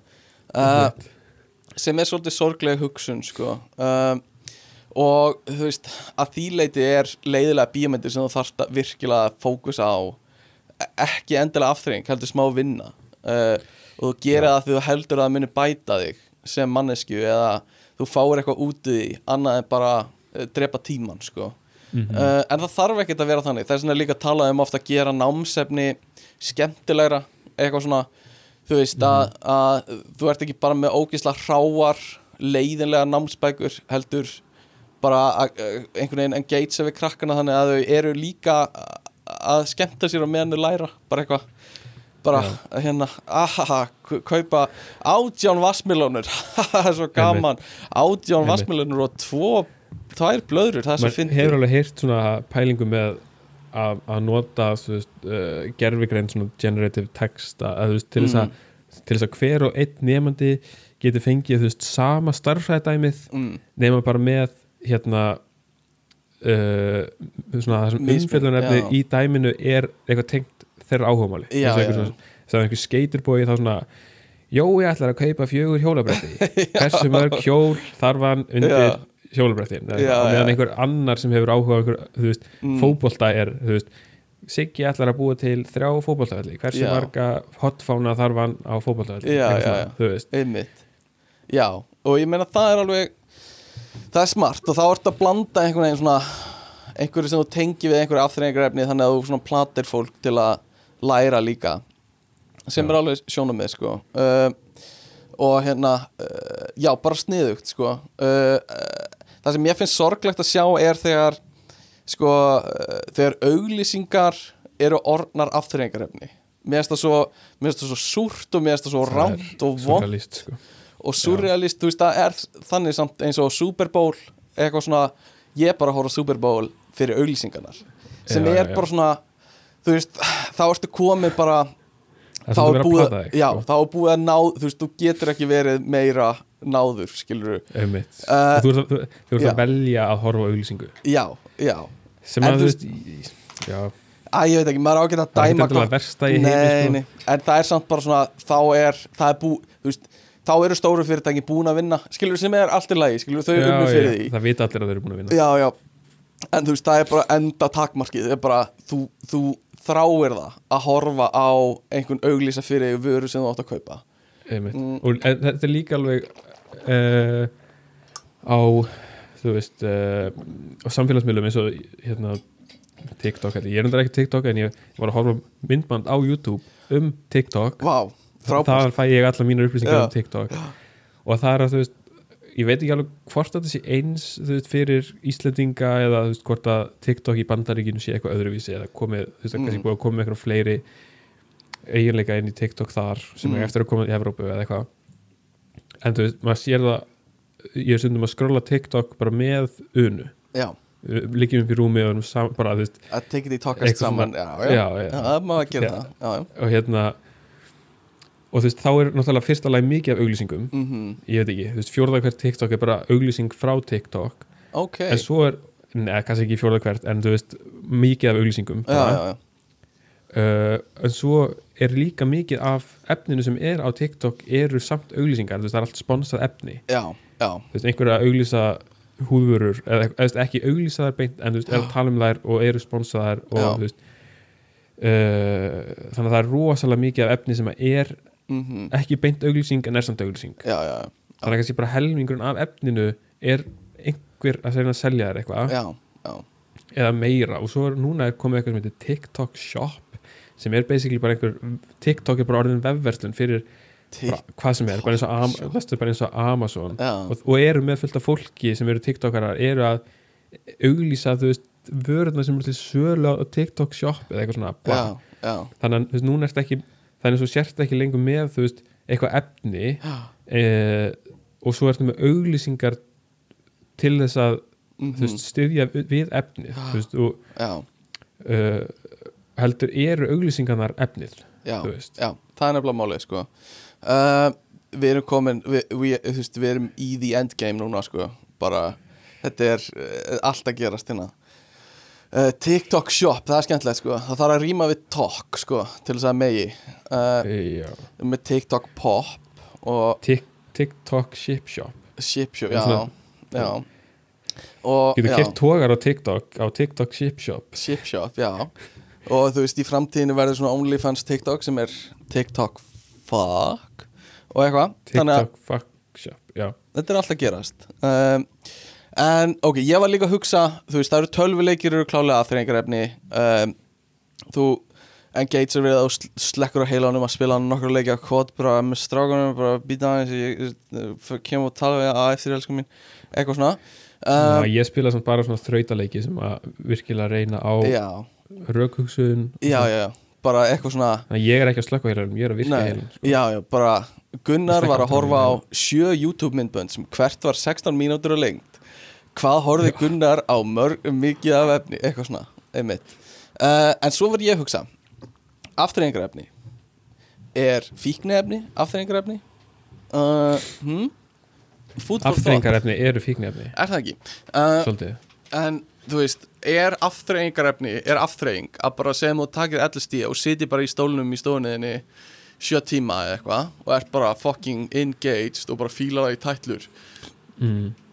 Þú veist, er, það, er form af afturrengu kannski, kannski ekki afturrengarefni Getur alveg, en þá er LCD sko efni sjálf, það er afþrengarefni já, það er afturrengarefni umvitt, bókstafla já, umvitt uh, en svo fór Já. ég líka að hugsa svona í framtíðinni einhvern veginn svona 100% immersive upplifun af einhverju uh, einhverju svona síndarveruleika eða einhverju svona hyperveruleika þar sem þú bara ert með einhverja heilaflögu sem þú bara kveikir á og ert allt í hennu komin inn í Viktoríu tíman í Englandi og ert að upplifa eitthvað þar. Uh, mm. þú veist hvernig hugsaðu, myndur þú segja að það væri afturrengarefni að þú veist að þú gæti bara farið aftur til einhvers tíma og lifað bara daglegu lífi þar skilur þú uh, þá erst einhvern veginn orðin daglegur þáttakandi annar staðar en ert að reyna að gera það af afturrengu hjá þér í raunveruleikanum Já, þú veist, þú get það væri alltaf einhverju sem myndi bara ánetjast þessu Já. og nota þetta bara til þess að flýja raunveruleikan Mhm. eins og fólk gerir bara með tölvuleikjum eða með einhverjum svona mm. samfélögum á netinu eins og veist, Second Life eða eitthvað svona Já, já, já, dót, sko. já. Þannig að þetta væri bara eitthvað þannig einmitt, einhverjir get, þetta hljóma smá eins og bara holodeck í Star Trek. Þar sem þú getur bara búið til hvaða raunveruleika sem er og þú veist, ok, þú veist, þú vilt fara tilbaka í eitthvað svona uh, Sherlock Holmes ráðgátu og ráða, vera Sherlock Holmes í einn dag eða tvo tíma eða eitthvað þetta er líka Eh, svolítið eins og svona Westworld dót sko, þess að þú ferð bara inn í einhvern annan heim já, þó, þú veist, að raunverulega já, já, þannig dót sko. uh, það er ákveðið afturrengarefni í því en það er líka eitthvað svona að þú ert að lifa raunveruleikan á sama tíma. Uh, ert í einhverjum svona raunveruleika sem þú veist, þú ert ekki bara að horfa á bíómynd þegar þú ert í að lifa eitthvað svona second life skilur, þú ert að fara út með ruslið og þú ert að uh, veist, vinna á skrifstofavinnuna í, í Sims, skilur, þú já. karakterið inn í vinnuna í Sims töluleiknum uh, þannig að, en jú, að einhverju leiti ertu svona kúplaði út úr þínu raunverulega, raunverulega lífi og ert afþreng, skilur, að einhverju leiti Mhm. þó þú sért að gera boring hluti. Sem að er já, sem er kannski allt í lagi. Því, því að það er líka rosa mikið af, af afþreyingarefni mm, sem að, veist, ok, ég var að hugsa um þetta daginn að veist, þegar maður er að lesa bækur og, og margar þeirra að fjalla um einhverjum svona svaka hetjur sem er að gera hitt og þetta og er að bjarga heiminum og eitthvað. Einmitt, einmitt. En mér finnst líka mjög gaman að lesa einhverjum svona rosalega hverstagslega sögur mm, um bara eitthvað, þú veist, fólk sem að býr bara, þú veist, í, í Reykjavík og þú veist, er bara að gera rosalega hverstagslega hluti og díla við rosalega hverstagslega vandamál, en það er samt áhugavert, já, veist, það er smá, það er smá flóttir frá þínu eigin lífi. Einmitt en þú ert, eh, þú veist, en þú ert samt engin hetja eða einmitt, þannig að þú veist, já það þarf ekki endilega að vera eitthvað þú ekki, þarf ekki endilega að vera að gera merkilegustu hluti í heimi til þess að sé Mhm. samt einhver afþreying í því Nei, einhver veruleika flótti sko. Áhugavert, einmitt. Um, Sko, þú ert með hérna ræðis eftir gæðum. Það er alveg alveg hálftíma spjall sko að gera það. Já, já, Þannig ég að, held að við séum búin svona, svona implied í öllu sem við erum búin að tala um sko. já, ég held að að fólk getur bara að fara tilbaka og svona, í raða þessu sjálf sko. Já, einmitt uh, Ég myndi stutt bara uh, bíómyndir, YouTube, allt eitthvað. Nei, bíómyndir, hlaðverk, YouTube, allt annað basically aha, aha, uh, er hjá mér sko um, Já. Herðu, já, og svo vorum við búin að snerta þess á hérna þegar þetta blandast allt saman auðlýsingar, kontentið aftreyingarefni, listin og nú búin að snerta á sig hvað þetta getur verið eitthvað, mikið fokk. Uh, og, og þú veist og, og, og bara námsefni líka skilur á námsefni að vera leðilegt uh, átti að þurfa að beita þér á það eða á það að vera skemmtilegt. Um, ég held að svona í bland sko, sé, sé gott. Af því það á ekkert allt í heiminum að vera skemmtilegt þannig sé, nei, einmitt þú veist það á ekkert þú þarft líka þú þarft smá leiðindi inn í lífið þitt til þess að bara skemmtilegu hlutinir eru skemmtilegir annars Einmitt. er allt bara flatt skemmtilegt og það er ekkert skemmtilegt ef allt Mhm. er einhvern veginn orðið afturrengarefni þannig að sumur hluti megi alveg vera leiðilegir held ég og líka bara, ég veit ekki ég man eftir því þegar ég var lítill krakki og þú veist, maður var eitthvað svona kvart eitthvað, mamma mér leiðist svo. Mhm, og hún, hún bara eitthvað, þú hefur bara gott að ég að láta þér leiðast. En núna er maður bara alltaf um leið, um leið og mann leiðist pínulítið Já, að þá bara svona, ok, hvað er síminn? Minn? síminn Uh, síminn. ok, ég ætla að setja bara podcast í gang. Ég get ekki elda nema að vera með podcast. Get ekki, get ekki hjólað í ræktina nema að vera með podcast eða, eða tónlist. Já, og mér er að segja, þú veist, ég ég veit ekki, í gær ég var, við unna vorum að einhverstaðar á einhvern veitingastað Mhm. eða bara einhvern skyndibitastað basically og þegar vorum búin að borða þá, þá sagði unna, ok, hérna, ég ætla að skreppa klóstið og fyrsta sem hugs, hugsunum sem poppaði upp í hausinu Já. mér bara, ok, hvað er símum hvað er síminn minn? Bara Sem er- 100% Það er smá skeri, sko það er ótrúlega óþægilegt sko. Við erum in the endgame, ég er að segja það sko Já. Þetta er bara, við erum fíklar sko um, Allavega Þannig að, að hérna, við erum búin að krifja þetta svolítið og fullt aðþrengingrefni sem við snertum ekkert á uh, En ég meina, það er bara þannig. Þetta er erfitt þegar við erum að reyna að kofra öll topic í heiminum. Að stundu fyrir eitthvað fyrir ofan garð og neðan sko. Um, En hérna, þú ert með pistil. Ég er með pistil. Mm, Hvað þýðir það? Ég er mjög intrigued sko. Já, sko, ég veit ekki alveg hvað þýðir. Jú, veist, ok, pistil, nú ætla ég bara að vera með smá einræðu sko. Ok, snild við höfum rætt það áður sko, hvernig að, að vera með pistil að flytja pistil sko, í Já. þessum þætti. Já, það var í áhugaverð tilraun þannig að ég ákvað bara að demba mér í að einmitt. skrifa pistil sko. mm Þú hefur verið svolítið að gera það á, á hérna, velföldum síðum á netinu að pisla aðeins. Já, já, ég er með sko, svo margar bloggsíður og ég er að blogga og blogga og blogga. Blogga, blogga, Engin blogga. uh, En hérna, já, ég svona mín hugmynd var bara hvað með að gefa út bara pislana sem stutta þætti skilur mm það er bara, það var, bara það pistill það væri alveg hægt sko. Þannig að, að hérna, mér finnst bara geðveikt að þú vilt lesa upp einn pistil fyrir okkur. Uh, ef að hlustendur hafa ekki áhuga á því og vilja meira spjall þá bara ekkert mála að spóla þess áfram. En svo held ég að sé líka bara gaman að hlusta á smá pistil sko, bara þetta er, þetta er bara til, tilhörna plattform hérna. Já. uh, það, það er nefnilega málið skilur það er enginn að hlusta okkur eða þú veist, það eru sjö manns að hlusta okkur sem er bara Já, snilt já. af því, þú veist, þetta er 100% tilrunastar sem við getum gert nákvæmlega það sem við viljum en það höfum við gert það, við höfum gert þú veist, bara heilu þættina það sem við erum í karakter að leika ykkur, eða leika þú veist, það, Hey, við mælum höfum gefið það sko. Já, eða, veist, það er líka ekki við skilur, við höfum gefið uh, bingo áhuga mönnum plattform hérna til að vera með Já, sína já, þætti skilur einmitt, einmitt. Og, og eitthvað svona.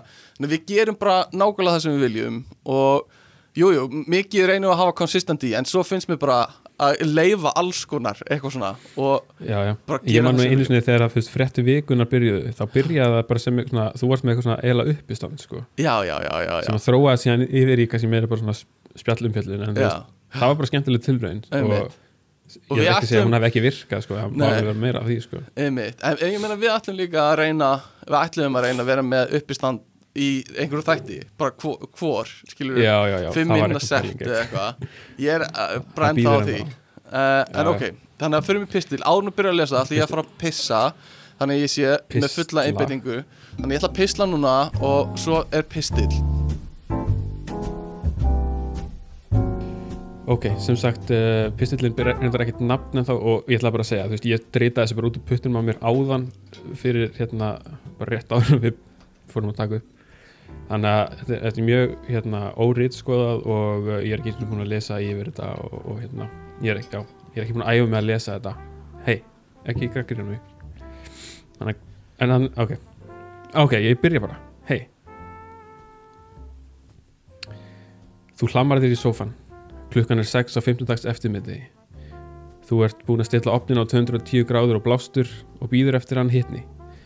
Restauranti pítsan býður í fristunum því þú ert búin að læra þegar að pítsan er best þegar hún fer beint úr fristunum inn í opn. Alveg eins og ekta ítölskum veitingastað. Þú opnar TikTok. Nökkufjallar tekur á mótið þér með breiðu brosi og jákvæðum skilabóðum. Hann segir þér að þú verðir ekki hamingisafmur nema þú sért með flóknara pilluskaupi lagin langt leitur krabbaminsjúklingur. Köttur, köttur, hundur að gelta eins og geit, auglýsing. Jordan Peterson í asnalegum jakkafötum. NPC livestream. Var þetta trend ekki búið? Auglýsing. Einhver gæla að segja þér frá uppáhaldskrefinu sínu. Pottið ekki að ljúa Fokk sími, hann er fucking brauturandri Þú brjóst síman. Þú skellir hlærð. Sendir á vinatjattið og fær, fær tvö haha viðbröð og eitt like. Þetta var þá allt þess virði. Opnin er tilbúin Pítsan fer á mettíma úr fristinum inn í opn Siri, set a timer for 12 minutes 12 mínútur. Hljómar eins og eitt gott YouTube myndband þú opnar YouTube. Teachers are tired of late Gen Z and Gen Alpha. Why? 20 mínútur. Allt í góði, ég klára, klára það á meðan ég borða pítsuna, hugsað þú. Alveg eins og ekta ítölskum veitingastað. Bíp bíp, pítsan er tilbúin. Þú sækir pítsuna og ferð aftur í sófan Fjórum mínútur setna klárast myndbandið. Þú lærðir ekki neitt. Nú eftir á pítsunni, næsta myndband sem YouTube mæli með Everything wrong with Airbnb 47 mínútur. Það ætti að duga. Þú klárar pítsuna 30 mínútur eftir að myndbandinu. Allt í góðu, þú klárar bara þetta myndband og finnur svo einhverja næs bíómynd á Netflix. Kannski eitthvað svolítið arti Þú verður alltaf vilja að kunna meta svona arthouse bíó. Nú er tíminn. Hálftími líður. Thank you for making it to the end of this unusually long video. Please like and subscribe and join my Patreon page. Nei takk. Þú tekur diskin á lærunum og leggur á sofaborðið og síman sömurleiðis en sækir sjónvarsfjárstyringuna Alveg eins og ekta ítölskum veitingastað Nei, kannski betra að hafa síman nær sér. Þú sækir hann og setur í sófanum við hliðina þér. Jæja, movie time. Þú opnar Netflix. Ú, er ný seri af Love is Blind komin? Ætti ég kannski að kíkja á það, hugsa þú? Nei, manstu, þú ætlar að horfa mynd. Þú skoða kvikmyndórvalið Popular or Netflix? Nei. Blockbuster movies? Nei. Drama movies? Nei. Hvar eru arthouse-myndirnar? Christmas movies? Hmm, það er nú stuttu jól og ég er ekki ennkomin í svaka jólaskap Kannski ekki setna vætna Þú lítur á klukkuna, hálf nýju Kannski betra að geima artimyndina aðeins. Klukkar orðið svo margt og langur dagur að baki. Þar maður ekki að vera svolítið fersku til að horfa svona arthouse-myndir. Skilja alla vísanleitnar og myndlingingarnar Þær eru líka alltaf svo langar og þá ferður röglega ekkert að sofa fyrir nú sein Þú ætlaðir að fara að snemma að sofa mannstu því að þú ert búin að sofa svo illa í vikunni. Jú, tökum bara eina jólamynd núna og tökum bara art í helgi. Kannski er einhverjar myndir í Bíóparadís Catering Christmas A Merry Christmas Wish B&B Merry Fall into Winter A Brush with Christmas I'm Glad It's Christmas Christmas at the Drive-In. Þvílíkt úrval. Og af hverju er öll coverin nákvæmlega eins? Þú getur ekki valið. Síminn titrar. Kannski eitthvað mikilvægt. Síminn að minna þig á mikilvæga hugbúnaðar uppfærslu Setna, þegar þú hefur betri tíma. Þú opnar Instagram með staldra við. Býtu, ég ætla ekki að gera þetta, hugsað þú. Magna hvernig þessi tæknifyrirtæki eru búin að skilja það mann. Þú skrólar samt Bjarni að posta mynd af hundinu sínum. Vá, ég hef ekki hitt Bjarni svo lengi.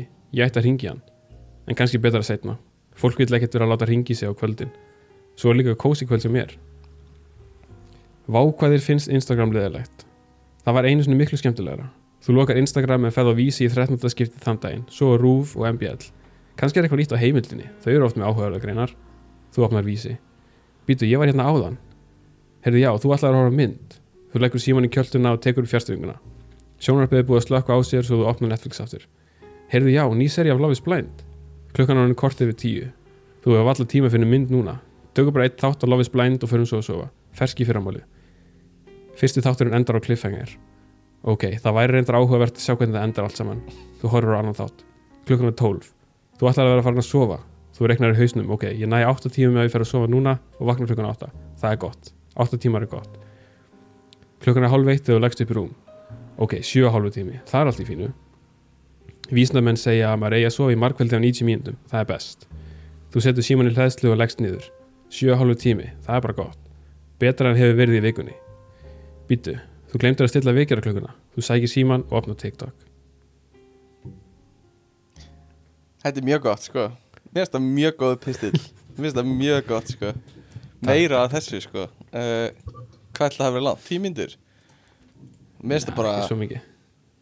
Mér bara uh, Spot on sko. Uh, Skemmtilegt. Skemmtilega skrifaður sko. Já, takk, takk, takk, takk. uh, Vonandi komst einhver í gegnum þetta? Já, bara Ég er rétt að vona það sko. Bara snilt Hérna Já, bara geggjað og bara náður þessu mjög vel sko. Maður er, þetta er bara þessi Ringur sko, þetta að ég þarf meiri orku til þess að horfa á svona alvöru myndir þannig ég horfi bara Aha. drastlótið sko. Einmitt, einmitt, mjög klassíst yeah. að eitthvað svona, nenni að horfa á þessa þungu eitthvað svona uh, pianist eða artist eða eitthvað svona hérna, einhverja Óskarsvæluna mynd. Eða vil ég bara horfa eitthvað uh, Hangover 2 eða eitthvað skilur um, uh, já, svo er hún svo leiðileg hann fer bara á vísi á meðan þú er í gangi eða eitthvað. Einmitt. Nefnilega. Þannig að, já, bara mjög góðu pistill. Uh, fáum hann á bloggið og hérna, þannig að fólk geti líka lesið hann. Uh, gott stöf, sko. Hérna, við vorum með uh, við vorum með svona íslenskt content dot um, og hérna íslenska contenti sem er í bóði sem er af smá skornum skamti sem er svo sem Mhm. eðlilegt verandi bara á stærð við eitthvað útkverfi í einhverjum, einhverjum stórborg í útlandum sko. Já, já, við erum bara eitthvað frímerki hérna sko. Já, frímerki fljótandi í allan saminu sko fjö, þú veist 400.000 manns. Maður þarf að æfa sig að segja 400.000 í stað fyrir 300.000 Mhm. um, en við höfum allavegna það sem við höfum uh, við megum nú vera stolt af því. Við, við, við erum með áttuna sko. Við vorum með Já, áttuna við vorum með áttuna, því miður. Hún, er, hún lagði nýður laupana heimsklassa content já, bara já, já, já, já, já, já. og nú eru áttu menn orðnir, þú veist útvarsmenn og, og einhverju svona Instagram TikTok, spekingar. Uh, that's the message.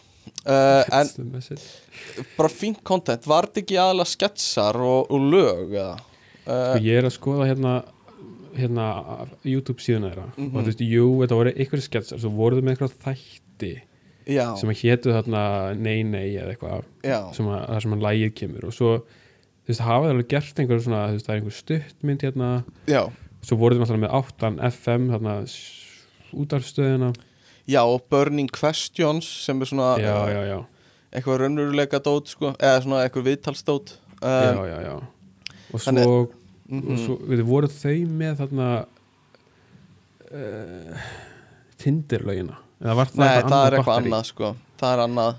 Okay, Eh, það var, já, En einmitt. þau eru með alveg views á þessu sko. Þau eru með alveg já, nefnilega sko, 20.000, 30.000 views sko. Þú veist, hérna er ein sko, það er einhver stuttmynd sem er alveg hálftími sko, mm. með 92.000 views. Já, sem er Eh, magnað sko. það er alveg frekar gott sko, en svo eru hérna þessi Burning Questions sem bara með eitthvað 800 eitthvað, Já, þannig að þetta var læðið svolítið niður sko. Vel gert á sínum tíma sko Þó að maður var svona of cool fyrir þetta á sínum tíma sko En mér finnst bara geggja að þau voru reyna að gera content sko. Uh, og leðilegt að sjá að það gekk ekki. En sama með sko uh, YouTube á svona Cozy uh, sem strákur sem ég þekki var með og hérna það var svona það var svona allan að ég var svolítið spenntur fyrir henni. Þetta átti að held ég að verða svona uh, svona channelin sem að sér oft eitthvað svona fyrfirandi og uh, kærasta talar við einhvern gamlan Mhm. kærasta eitthvað svona og, og hérna ef þau ljúga þá þurfa þau að drekka eitthvað, bla bla bla Mhm. uh, og mér fannst það bara spennandi sko og hérna er alveg, veist, það sem við já, það vantar svona þetta, þannig að þetta var alveg góð tilraun fyrir Mhm. sem svona íslenskt content mm uh, en það, mér fannst þetta aldrei virka vel á mig. Nei. uh, Ég, en, þú veist, þau þurftu líka bara að finna sig skilur við Já, ég bara þurfti að gefa þess aðeins meiri tíma kannski, Já. Þú því að mér fannst svona uh, þú mig, ég man að þegar það var í gangi að það var eitthvað af þessu var svolítið bara svona stólið af einhverju sem að aðrir Mhm. voru að gera á netinu. Uh, þú veist, ég man að hérna, þættinir Good, Myth- good, good Mythical Good Morning Mythical moth, Mothning.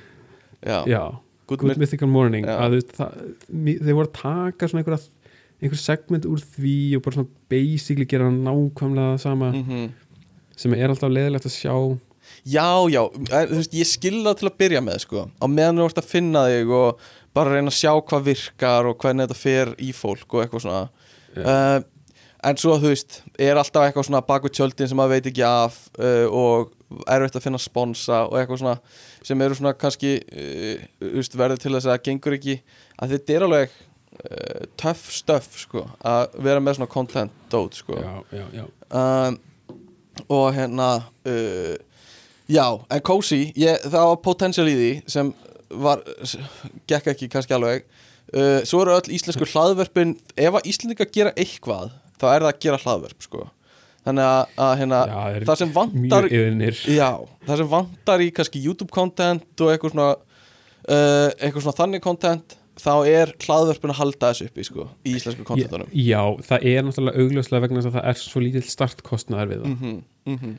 uh, og hver sem er getur gert það þú þarft ekki að vera eitthvað með eitthvað lúk þú þarf bara að opna tölvuna og opna Audacity og tala segja eitthvað. Já, þú veist, þú þarft ekki að, að vera með eitthvað svona útlitspælingar eitthvað svona, "Á, er ég í fínum fötum? Mhm. eða þú veist, hvernig er settið sem ég er með? Þú veist, það er ég að smíða um sett og já, kaupa dýra myndavél og þú veist, fyrir hvað? Því að þú veist, Mhm. flestir eru að gera hlaðvörp bara sem eitthvað svona hobby og Já. hafa gaman og er ekkit að leita sér að tekjum út úr því þannig, þú veist, það er einhverjir en, einmitt. en það, já, þannig að þú veist, sem eitthvað svona, ó, ég vil gera eitthvað skemmtilegt content Mhm. uh, en þú veist, ég vil ekki þurfa að leggja allt og miklu vinn í það að þá er hlaðvarp bara geggjað. Perfect, bara perfect sko.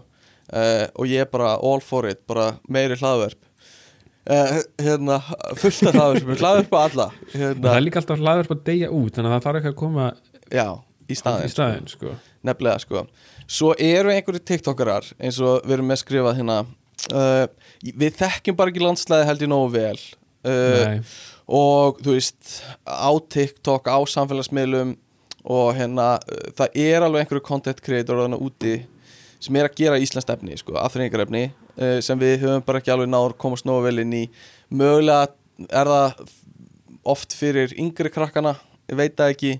Uh, þannig að mér finnst vanta kannski smá efni fyrir okkur og það væri þá, þú veist, YouTube íslensk, mm ég er svolítið að stela frá bara því sem þú skrifaðir inn í handriti en þú veist, já, nei, bara. vanta bara svona íslenskt YouTube commentary rás, skilur sem er með video essay sem íslenska menningu eða bara spjallum íslenska menningu eins og er í útlöndum sko.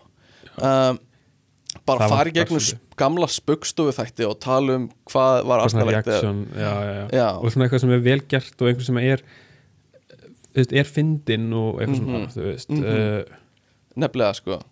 Uh, kannski, ég held að sé alveg gata markana þannig sko. Þannig að, þú veist, ef einhver hlustandi vill fylla það eða kannski eigum við bara að fylla það. Að ég, veit það. Uh, en það þýðir sko öll svona eftirvinnsla sko. Hlaðvarpinu er svo auðveld, þú veist, ég bara tek þau upp, ég prósessa þau aðeins, klippi aðeins til og hendi því svo í loftið. En Mhm. fyrir allt svona þurfti maður að veist, finna klippun, bara ógeðslega mikil video editing vinna sem Já. tekur fáránlegan tíma. Um, fyrir kannski, þú veist ég veit ekki hversu margir eða kannski myndi samt alveg veist, þú þarftur hitt rosalega marga áhörvendur mm, og svo einhver að sponsa til þess að allavega koma út úr nulli já gæti alveg verið sko. ég myndi alveg halda markaðir eða það, að það sé nógu stórt gat á markanum Já. fyrir það. Allavega einn eða tvo þannig. Þú veist, ég væri alveg til í að þú veist, uh, vera í 80% vinnu og einn dag í viku er ég bara að vinna í einhverju svona kontenti uh, og þú veist, gera það þannig að ég geti borga sjálfur mér laun til að fylla upp í þessi 20% þú veist, Já. ekki 100% laun heldur bara, þú veist bara þannig að ég sé ekki á tekju tapi á því sem ég geri sko. já, já, já, já. uh, það verið draumurinn sko. en, en hérna uh, já, kommentari uh, það v- vantar og, og hérna svo er frétti vikuna með snorra másinni. Mm mér finnst það ekki vera, það er frekar svona líðandi stundardót sko. já. uh, Það bara svona það fyrsta sem ég dætti sem gæti Já. verið eitthvað þannig. Já, en er alveg, þú veist nálægt í að einhverju leiti, skilur hann bara fara yfir líðandi stund og veist, við getum verið með frétti vikunar myndbönd, skilur ef við vildum. Já, bara, ég gæti meiri segja að ég allt tek upp já, en veist, ég tek upp alla þættin okkar uh, veist, ég tek upp myndbönd á okkur en, mm.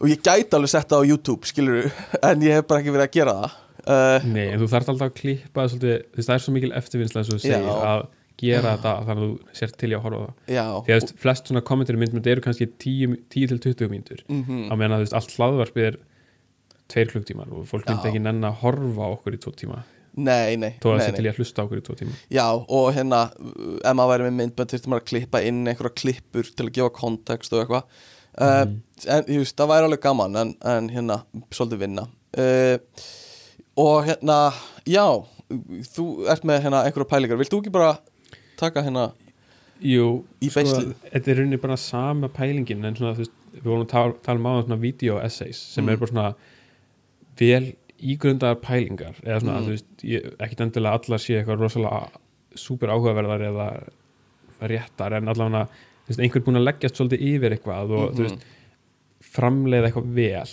mm, uh, setja hugsun í framleiðsluna. Mm, og það, veist, það er svona svolítið mikið efni sem ég neyti á YouTube. Mm, er, er alls konar þannig. Mm, en það vantar, ég væri alveg til í að það væri einhver þannig sem myndi gera þannig á íslensku Já, um Ísland. Já, eða um það sem er að gerast á Íslandi íslenska menningu eða eitthvað svoleiðis. Mm, og auðvitað er einhver svona umfjöllun í sko uh, lestinni og eitthvað. já, já, eða bara, já hérna, í einhvern útvarpi og Mhm. blöðum og eitthvað svona, en bara sem hérna, á myndbandsformi Já, þú veist, ég sé ekki mikið veginn svona svona dæmi á í sjónvarpinu á rúf eða eitthvað. Nei, nei, einmitt. Uh, þannig að það var- gæti alveg verið áhugaverð tilraun en Mhm. aftur, þú veist, það er bara engin peningur í þessu með við vinnuna sem þú þarf að leggja í allar rannsóknar Mhm. vinnuna í rauninni. Þess vegna varst þú líka að pæla með næstu pælingu er þú veist listamannalaun fyrir efnisútgefendur skilur já, það er alveg hugmynd. Ég, einmitt, Mhm. ég, þetta er ekki mín hugmynd sko, ég heyrði þetta einmitt hjá Snorra Másinni. Eða hann var í einhverjum einhverju sem hann var að gefa út þá var hann að einmitt varpaði fram þessari hugmynd sko. mm -hmm. og mér finnst þetta alveg svona áhugaverð pæling það var allt í svona tengslum við sko eblingu íslenskunar sem að Snorri. Másson er að pæla alveg rosalega mikið í Mm uh, hérna þannig að að hugmyndin er að þú ert með íslenskt efni mm. á, á, sem að kæmi staðin fyrir einhverju leiti allt þetta erlenda efni sem fólk er að neyta eins og Já. við erum að gera á YouTube að þá myndi kannski þú veist, mynd, kannski myndi það efla íslensku einmitt, alveg klálega já, því að, já, þannig að basically einhvers svona ríkistyrkur mm til efnisframlislu sem er náttúrulega fáraleg pæling einhvern veginn uh, en þú veist samt því að náttúrulega er ríkið að segja hvað er gott efni og hvað ekki. Já, en það er undir það sem þau eru að gera með því að gefa listanmannuleginu þeir eru að segja hvað er. Áhugaverð list eða eitthvað, einhverju leiti sko. en ég meina við erum mjög lítið samfélag þannig að þú veist, efni sem við framleiðum er mjög lítið uh, en það breytir því ekki hvað einstaklingur getur neitt mikils efnis á degi uh, sem þýðir að í útlöndum þú veist, þá hefur fólk miklu meira af því þú veist, efni á sínu móðutungumáli að móða á, á hverjum degi uh, og fyrir okkur er bara x mikið og svo þurfum við að fara í enska efnið, útlenska efnið. Um, og, og hérna þú veist, ef við viljum halda í bara svona uh, þú veist, efni á íslensku íslenskt efni, þá þarf bara mögulega að leggja meira ríkisframtak í það uh, heldur en annar staðar. Af því þú Já. veist uh, uh, það er ekki eins miklu peningar í að búa til efni og bara ekki eins mikið efni á íslensku. Uh, þannig að til þess að fá 100 vídeo á dag á, á íslensku þá bara þá þarf einhvern veginn að breyta tekjumódulinu fyrir og þetta þarf, þarf að vera efni sem er að poppa upp sko, í algoritminu hjá fólki því að þú Mhm. veist þó að rúf sé að framlega alls konar og sé með alls konar efni mm, á sinni streymisveitu að þá er það ekki mm. fólk og kannski ungt fólk er ekkert að leita eitthvað svona, ú, hvað er hérna á sarpinum á rúf í dag Nei, nei þú veist, það fer á. YouTube og svo klikkar það bara næsta sem er recommended eða Já. Eitthvað þannig sko. Sko, hérna ég sá einhvers staðar, vildi bara taka fram fyrir fólk sem er að hlusta að þú veist það hafa verið- að tala um hvað eru algengustu veituna sem fólk neytir afþrengarefni sá og ég hefði haldið að út fólk væri með TikTok en YouTube er mjög ofalega hjá ungu fólki ennþá sko, þú veist, það er vinsalast sko, held ég. Já, já, þannig að hérna það er ekkert bara eitthvað að þú þarft að framlega fyrir TikTok sko. Uh, Æst, ég, ég var að tala um þú veist þegar YouTube er líka með algoritma ég var ekki að tala um TikTok algoritma Mhm. Nei, nei, nei, ég, ég, ég, veit, ég vildi bara segja við hlustundur að við erum búin að vera að tala svolítið mikið um YouTube en ekki TikTok sko.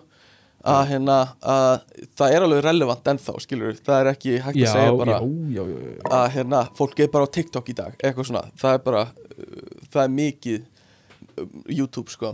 Uh, og í lokin uh, þá er þú veist, það eru til líka íslensk content sem er eitthvað svona Íslendingar að reyna að koma þú veist, að vera á erlendum markaði tala ennsku uh, e íslensku ASMR er alveg smá hjúts uh, í svona nýshópum uh, af því Já. íslenski reymurinn er kveikir eitthvað svona ASMR viðbröð hjá einhverjum.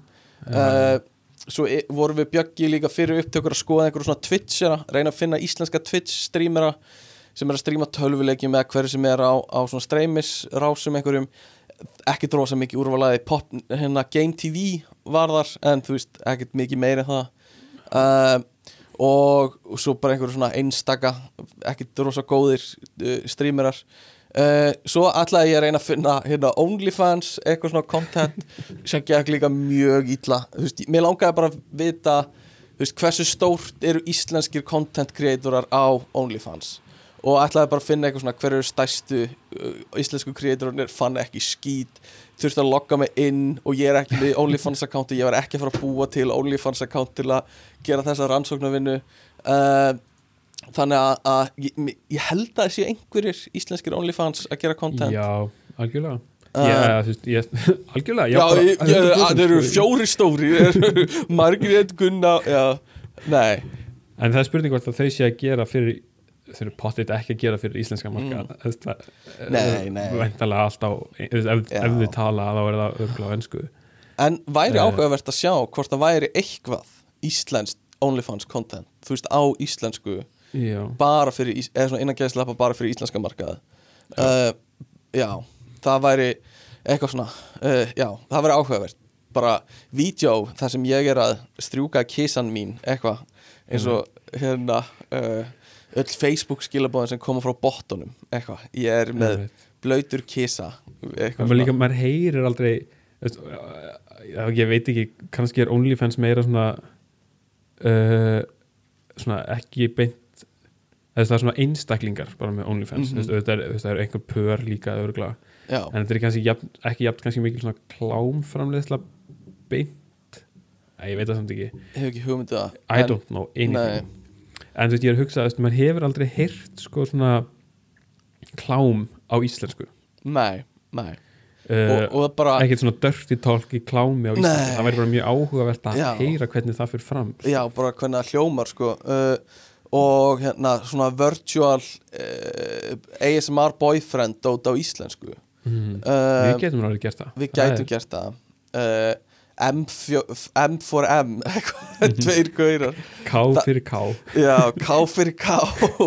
Það væri, það væri svona næsta level á okkar vinasambandi ef við færum að framlega eitthvað svona ASMR boyfriend content á íslensku. Uh, en, en hérna nei bara það væri mjög áhugavert og bara, maður sér það líka bara að þú veist, klam.is er laust lél sko, það er Já, bara upp er, for grabs. það er talandum gata markaði talandi um gata markaðinum. En ég þekki bara ekki lögin í kringu það. Veist, íslensku uh, lögin. Er bannað að framleiða klám á Íslandi? Ég, ég Er held það ekki? já. Já, það, sko. mig grunar það. Þannig að, að hérna, það er kannski ástæðan fyrir því. En það er ekkert sem er að stoppa okkur í að gera sko explicit uh, boyfriend ASMR sko. Eða kærasta uh, kærasta uh, hérna tölun eða eitthvað. Kærasta tölun. Um, Hva, fyrir hvað stendur ASMR audio sensory eitthvað? Uh, Þetta er eitthvað automatic eitthvað sensory uh, Nei, autonomous sensory uh, meridian response. Meridian. Já, þannig að þetta er eitthvað erfið þýðing sem ég nenni ekki að fara í.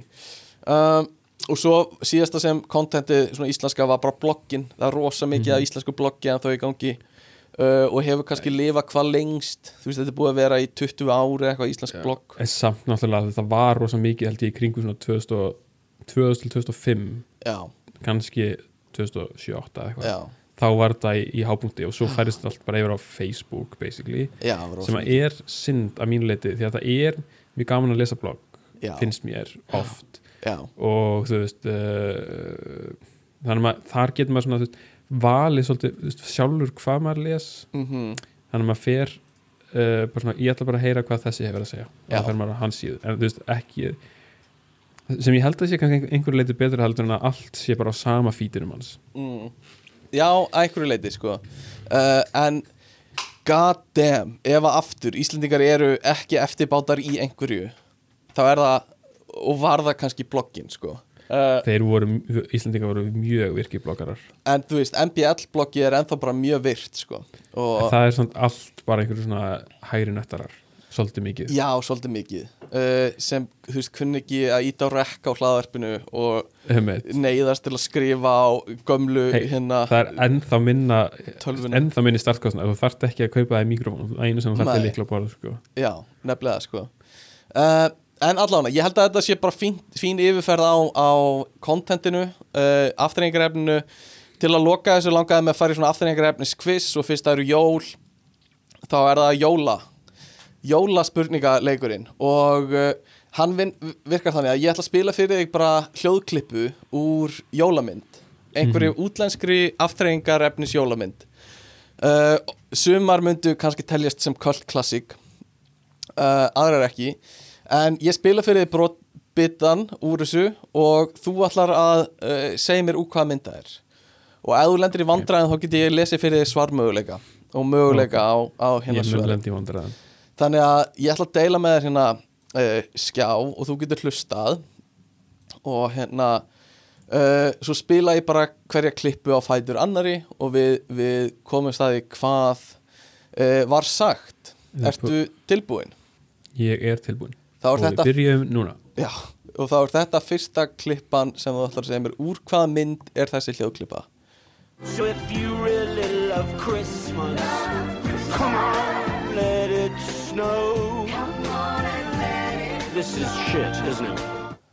Þetta er úr frægri jólamynd Já, þetta er Love Actually Þetta er ég, úr myndinu Love það. Actually. Það er hárrétt hjá þér uh, ah, Já, ok Ég held að þú var að sjá eitthvað sem þú ættir ekki að sjá en það er alveg hárrétt. Uh, Þetta var lag sem einhver poppari söng og, og hérna úr myndinu Love Actually. Mun örgulega bara ná þessu rétt.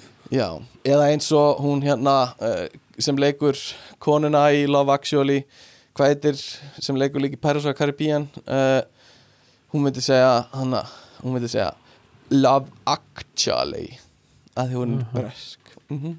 Einmitt. er ekki góð eftir herma Jú, is it Love Actually eitthvað svona Mm. herru, næsta klippa úr hvaða jólamynd er þetta I'm singing, I'm in a store and I'm singing.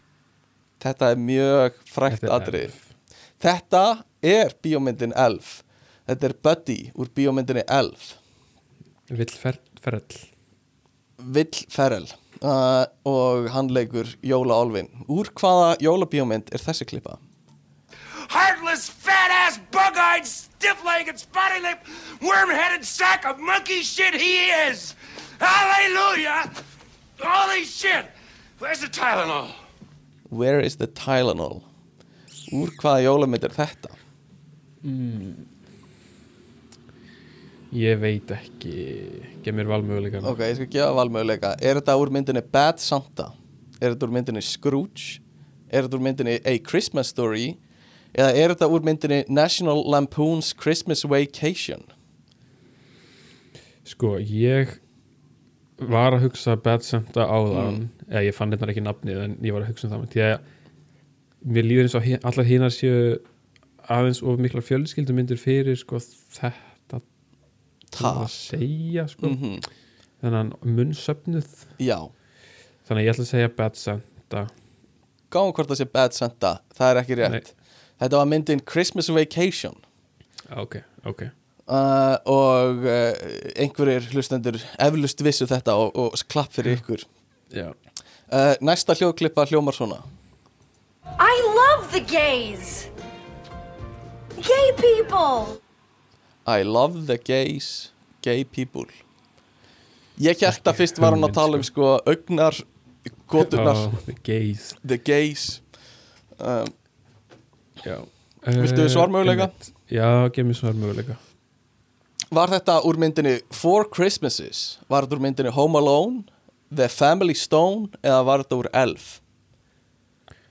þetta er definitely fyrsta hann að valmöguleikin Four sko, Christmases. það var þetta alveg 100% þar sko Four Christmases? Nei, þetta var úr myndinni Family Stone og þetta var Sarah Jessica Parker úr Sex and the City ah, ég þáttunum. hef ekki hýrt um þá myndi Ég veit ekkert hvað myndin er heldur Ég veist þetta ekki uh, Ok, og næsta hljóðklippa hljómar svona of rainbows, forget me nots, of misty meadows and sun dappled pools.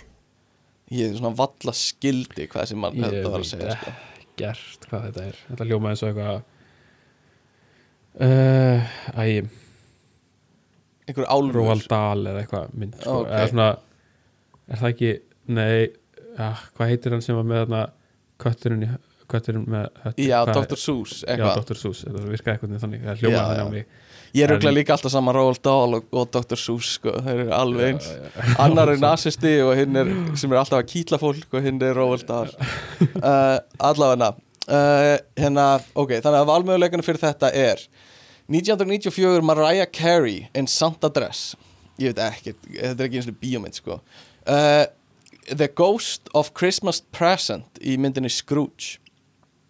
Uh, hérna Your Great Aunt After Three Eggnogs eða Litla stelpan úr Miracle on 34th Street á Heliumi uh, Er þetta eitthvað þetta, er, þetta er ekki bara greinlega bíómyndir heldur þetta er vera eða, þú veist, þetta er úr bí ég veit það ekki, þetta eru ok. valmöguleikanir þekkir þetta Eh, jóla ég- hljóðklippuna ég ætla að uh, hvað var annar valmöguleikin? uh, The Ghost of Christmas Present frá Scrooge myndinni. Nei, ég ætla sí, síðasti hérna, síðasta hérna, á Helium. Ok, litla stelpan úr Miracle on 34th Street Nei, það er ekki rétt. Þetta var, var The það- Ghost of fuck. Christmas Present frá Scrooge. Uh, Myndinni Scrooge sem Bill Murray legi í. Uh, Næsta uh, hljóðklippa hljómar svona.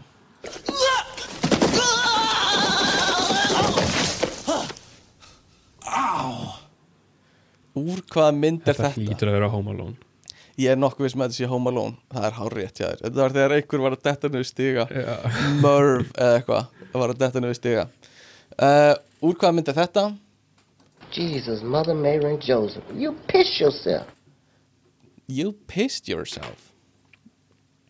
Úr þetta er Bad Santa. Hvaða mynd var þetta? Bad Santa? Það er hár rétt hjá þér. Þetta Ó, var litli álfurinn í Bad Santa. Ég hef ekki séð þessa mynd held ég. Án þess að fá valmöguleika Neldur þetta sko. Ok, úr hvaða mynd er þetta hljóðbrót? Be sure to drink your Ovaltine. Ovaltine? A crummy commercial? uh, gæti ekki uh, ég hef ekki hugmynd það var eitthvað product placement í einhverju mynd uh, Viltu fá valmöguleikana? já, endilega A Christmas Story The Muppets Christmas Carol Gremlins eða Home Alone 2 Gremlins Gremlins? Nei, þetta var A Christmas Story einhver lítill strákur. Uh, og síðasta spurning hljómar það svona hlýtur að vera Die Hard sko. Síðasta spurning, já, getur rétt vona það. We're his little henchmen and we take our job with pride. já, Die Hard. Uh, Já, uh, það er gott gísk en svarmöguleikana eru Alvin and the Chipmunks Lock, Sock and Barrel from The Nightmare Before Christmas. Spocket In Spots and Murray from A Muppet Christmas Story. Eða Your Little Cousins Who Are Susceptible to Mind Control. Alvin. Alvin, the Chip- nei, þetta var Lock, Já. Sock and Barrel from A Nightmare Before Christmas. Þannig að uh, Hvað, uh, Var ég með þrjú eða fjögur rétt þú varst með uh, þú varst með þrjú fjögur rétt hár rétt, okay. Af átta eða Níu. tíu? Níu. Þannig að ah, þú fjálst á þessu prófi en það er svo sem við búið uh, ég held að þetta sé orðið gott hjá okkur í dag. Uh, takk fyrir að hlusta, takk fyrir að segja vinum ykkar frá podcastinu takk fyrir að senda posta ekkert frétta gmail.com eða ekkert frétta á Instagram. Já Láttu okkur vita hvort þið viljið fleiri pistla já, láta okkur vita hvort þið vil, viljið fleiri pisla um, þetta var bara góð umfjöldun held ég hjá okkur í dag og bara góð þáttur. Um, Komist bara vel frá þessu. Ég held það, bara þokkalega vel. Uh, og bara siglum saman uh, uh, sáttinn í desember og jólin. Um, eitthvað meira sem þú vilt bæta við að lókum Nei, ég held ekki. Bara ekki jóla yfir ykkur. Uh, ok, endum á þessum nótum. Ekki jóla yfir ykkur og förum saman uh, inn í eitthvað inn í góða tíma, verið sæl, bye bye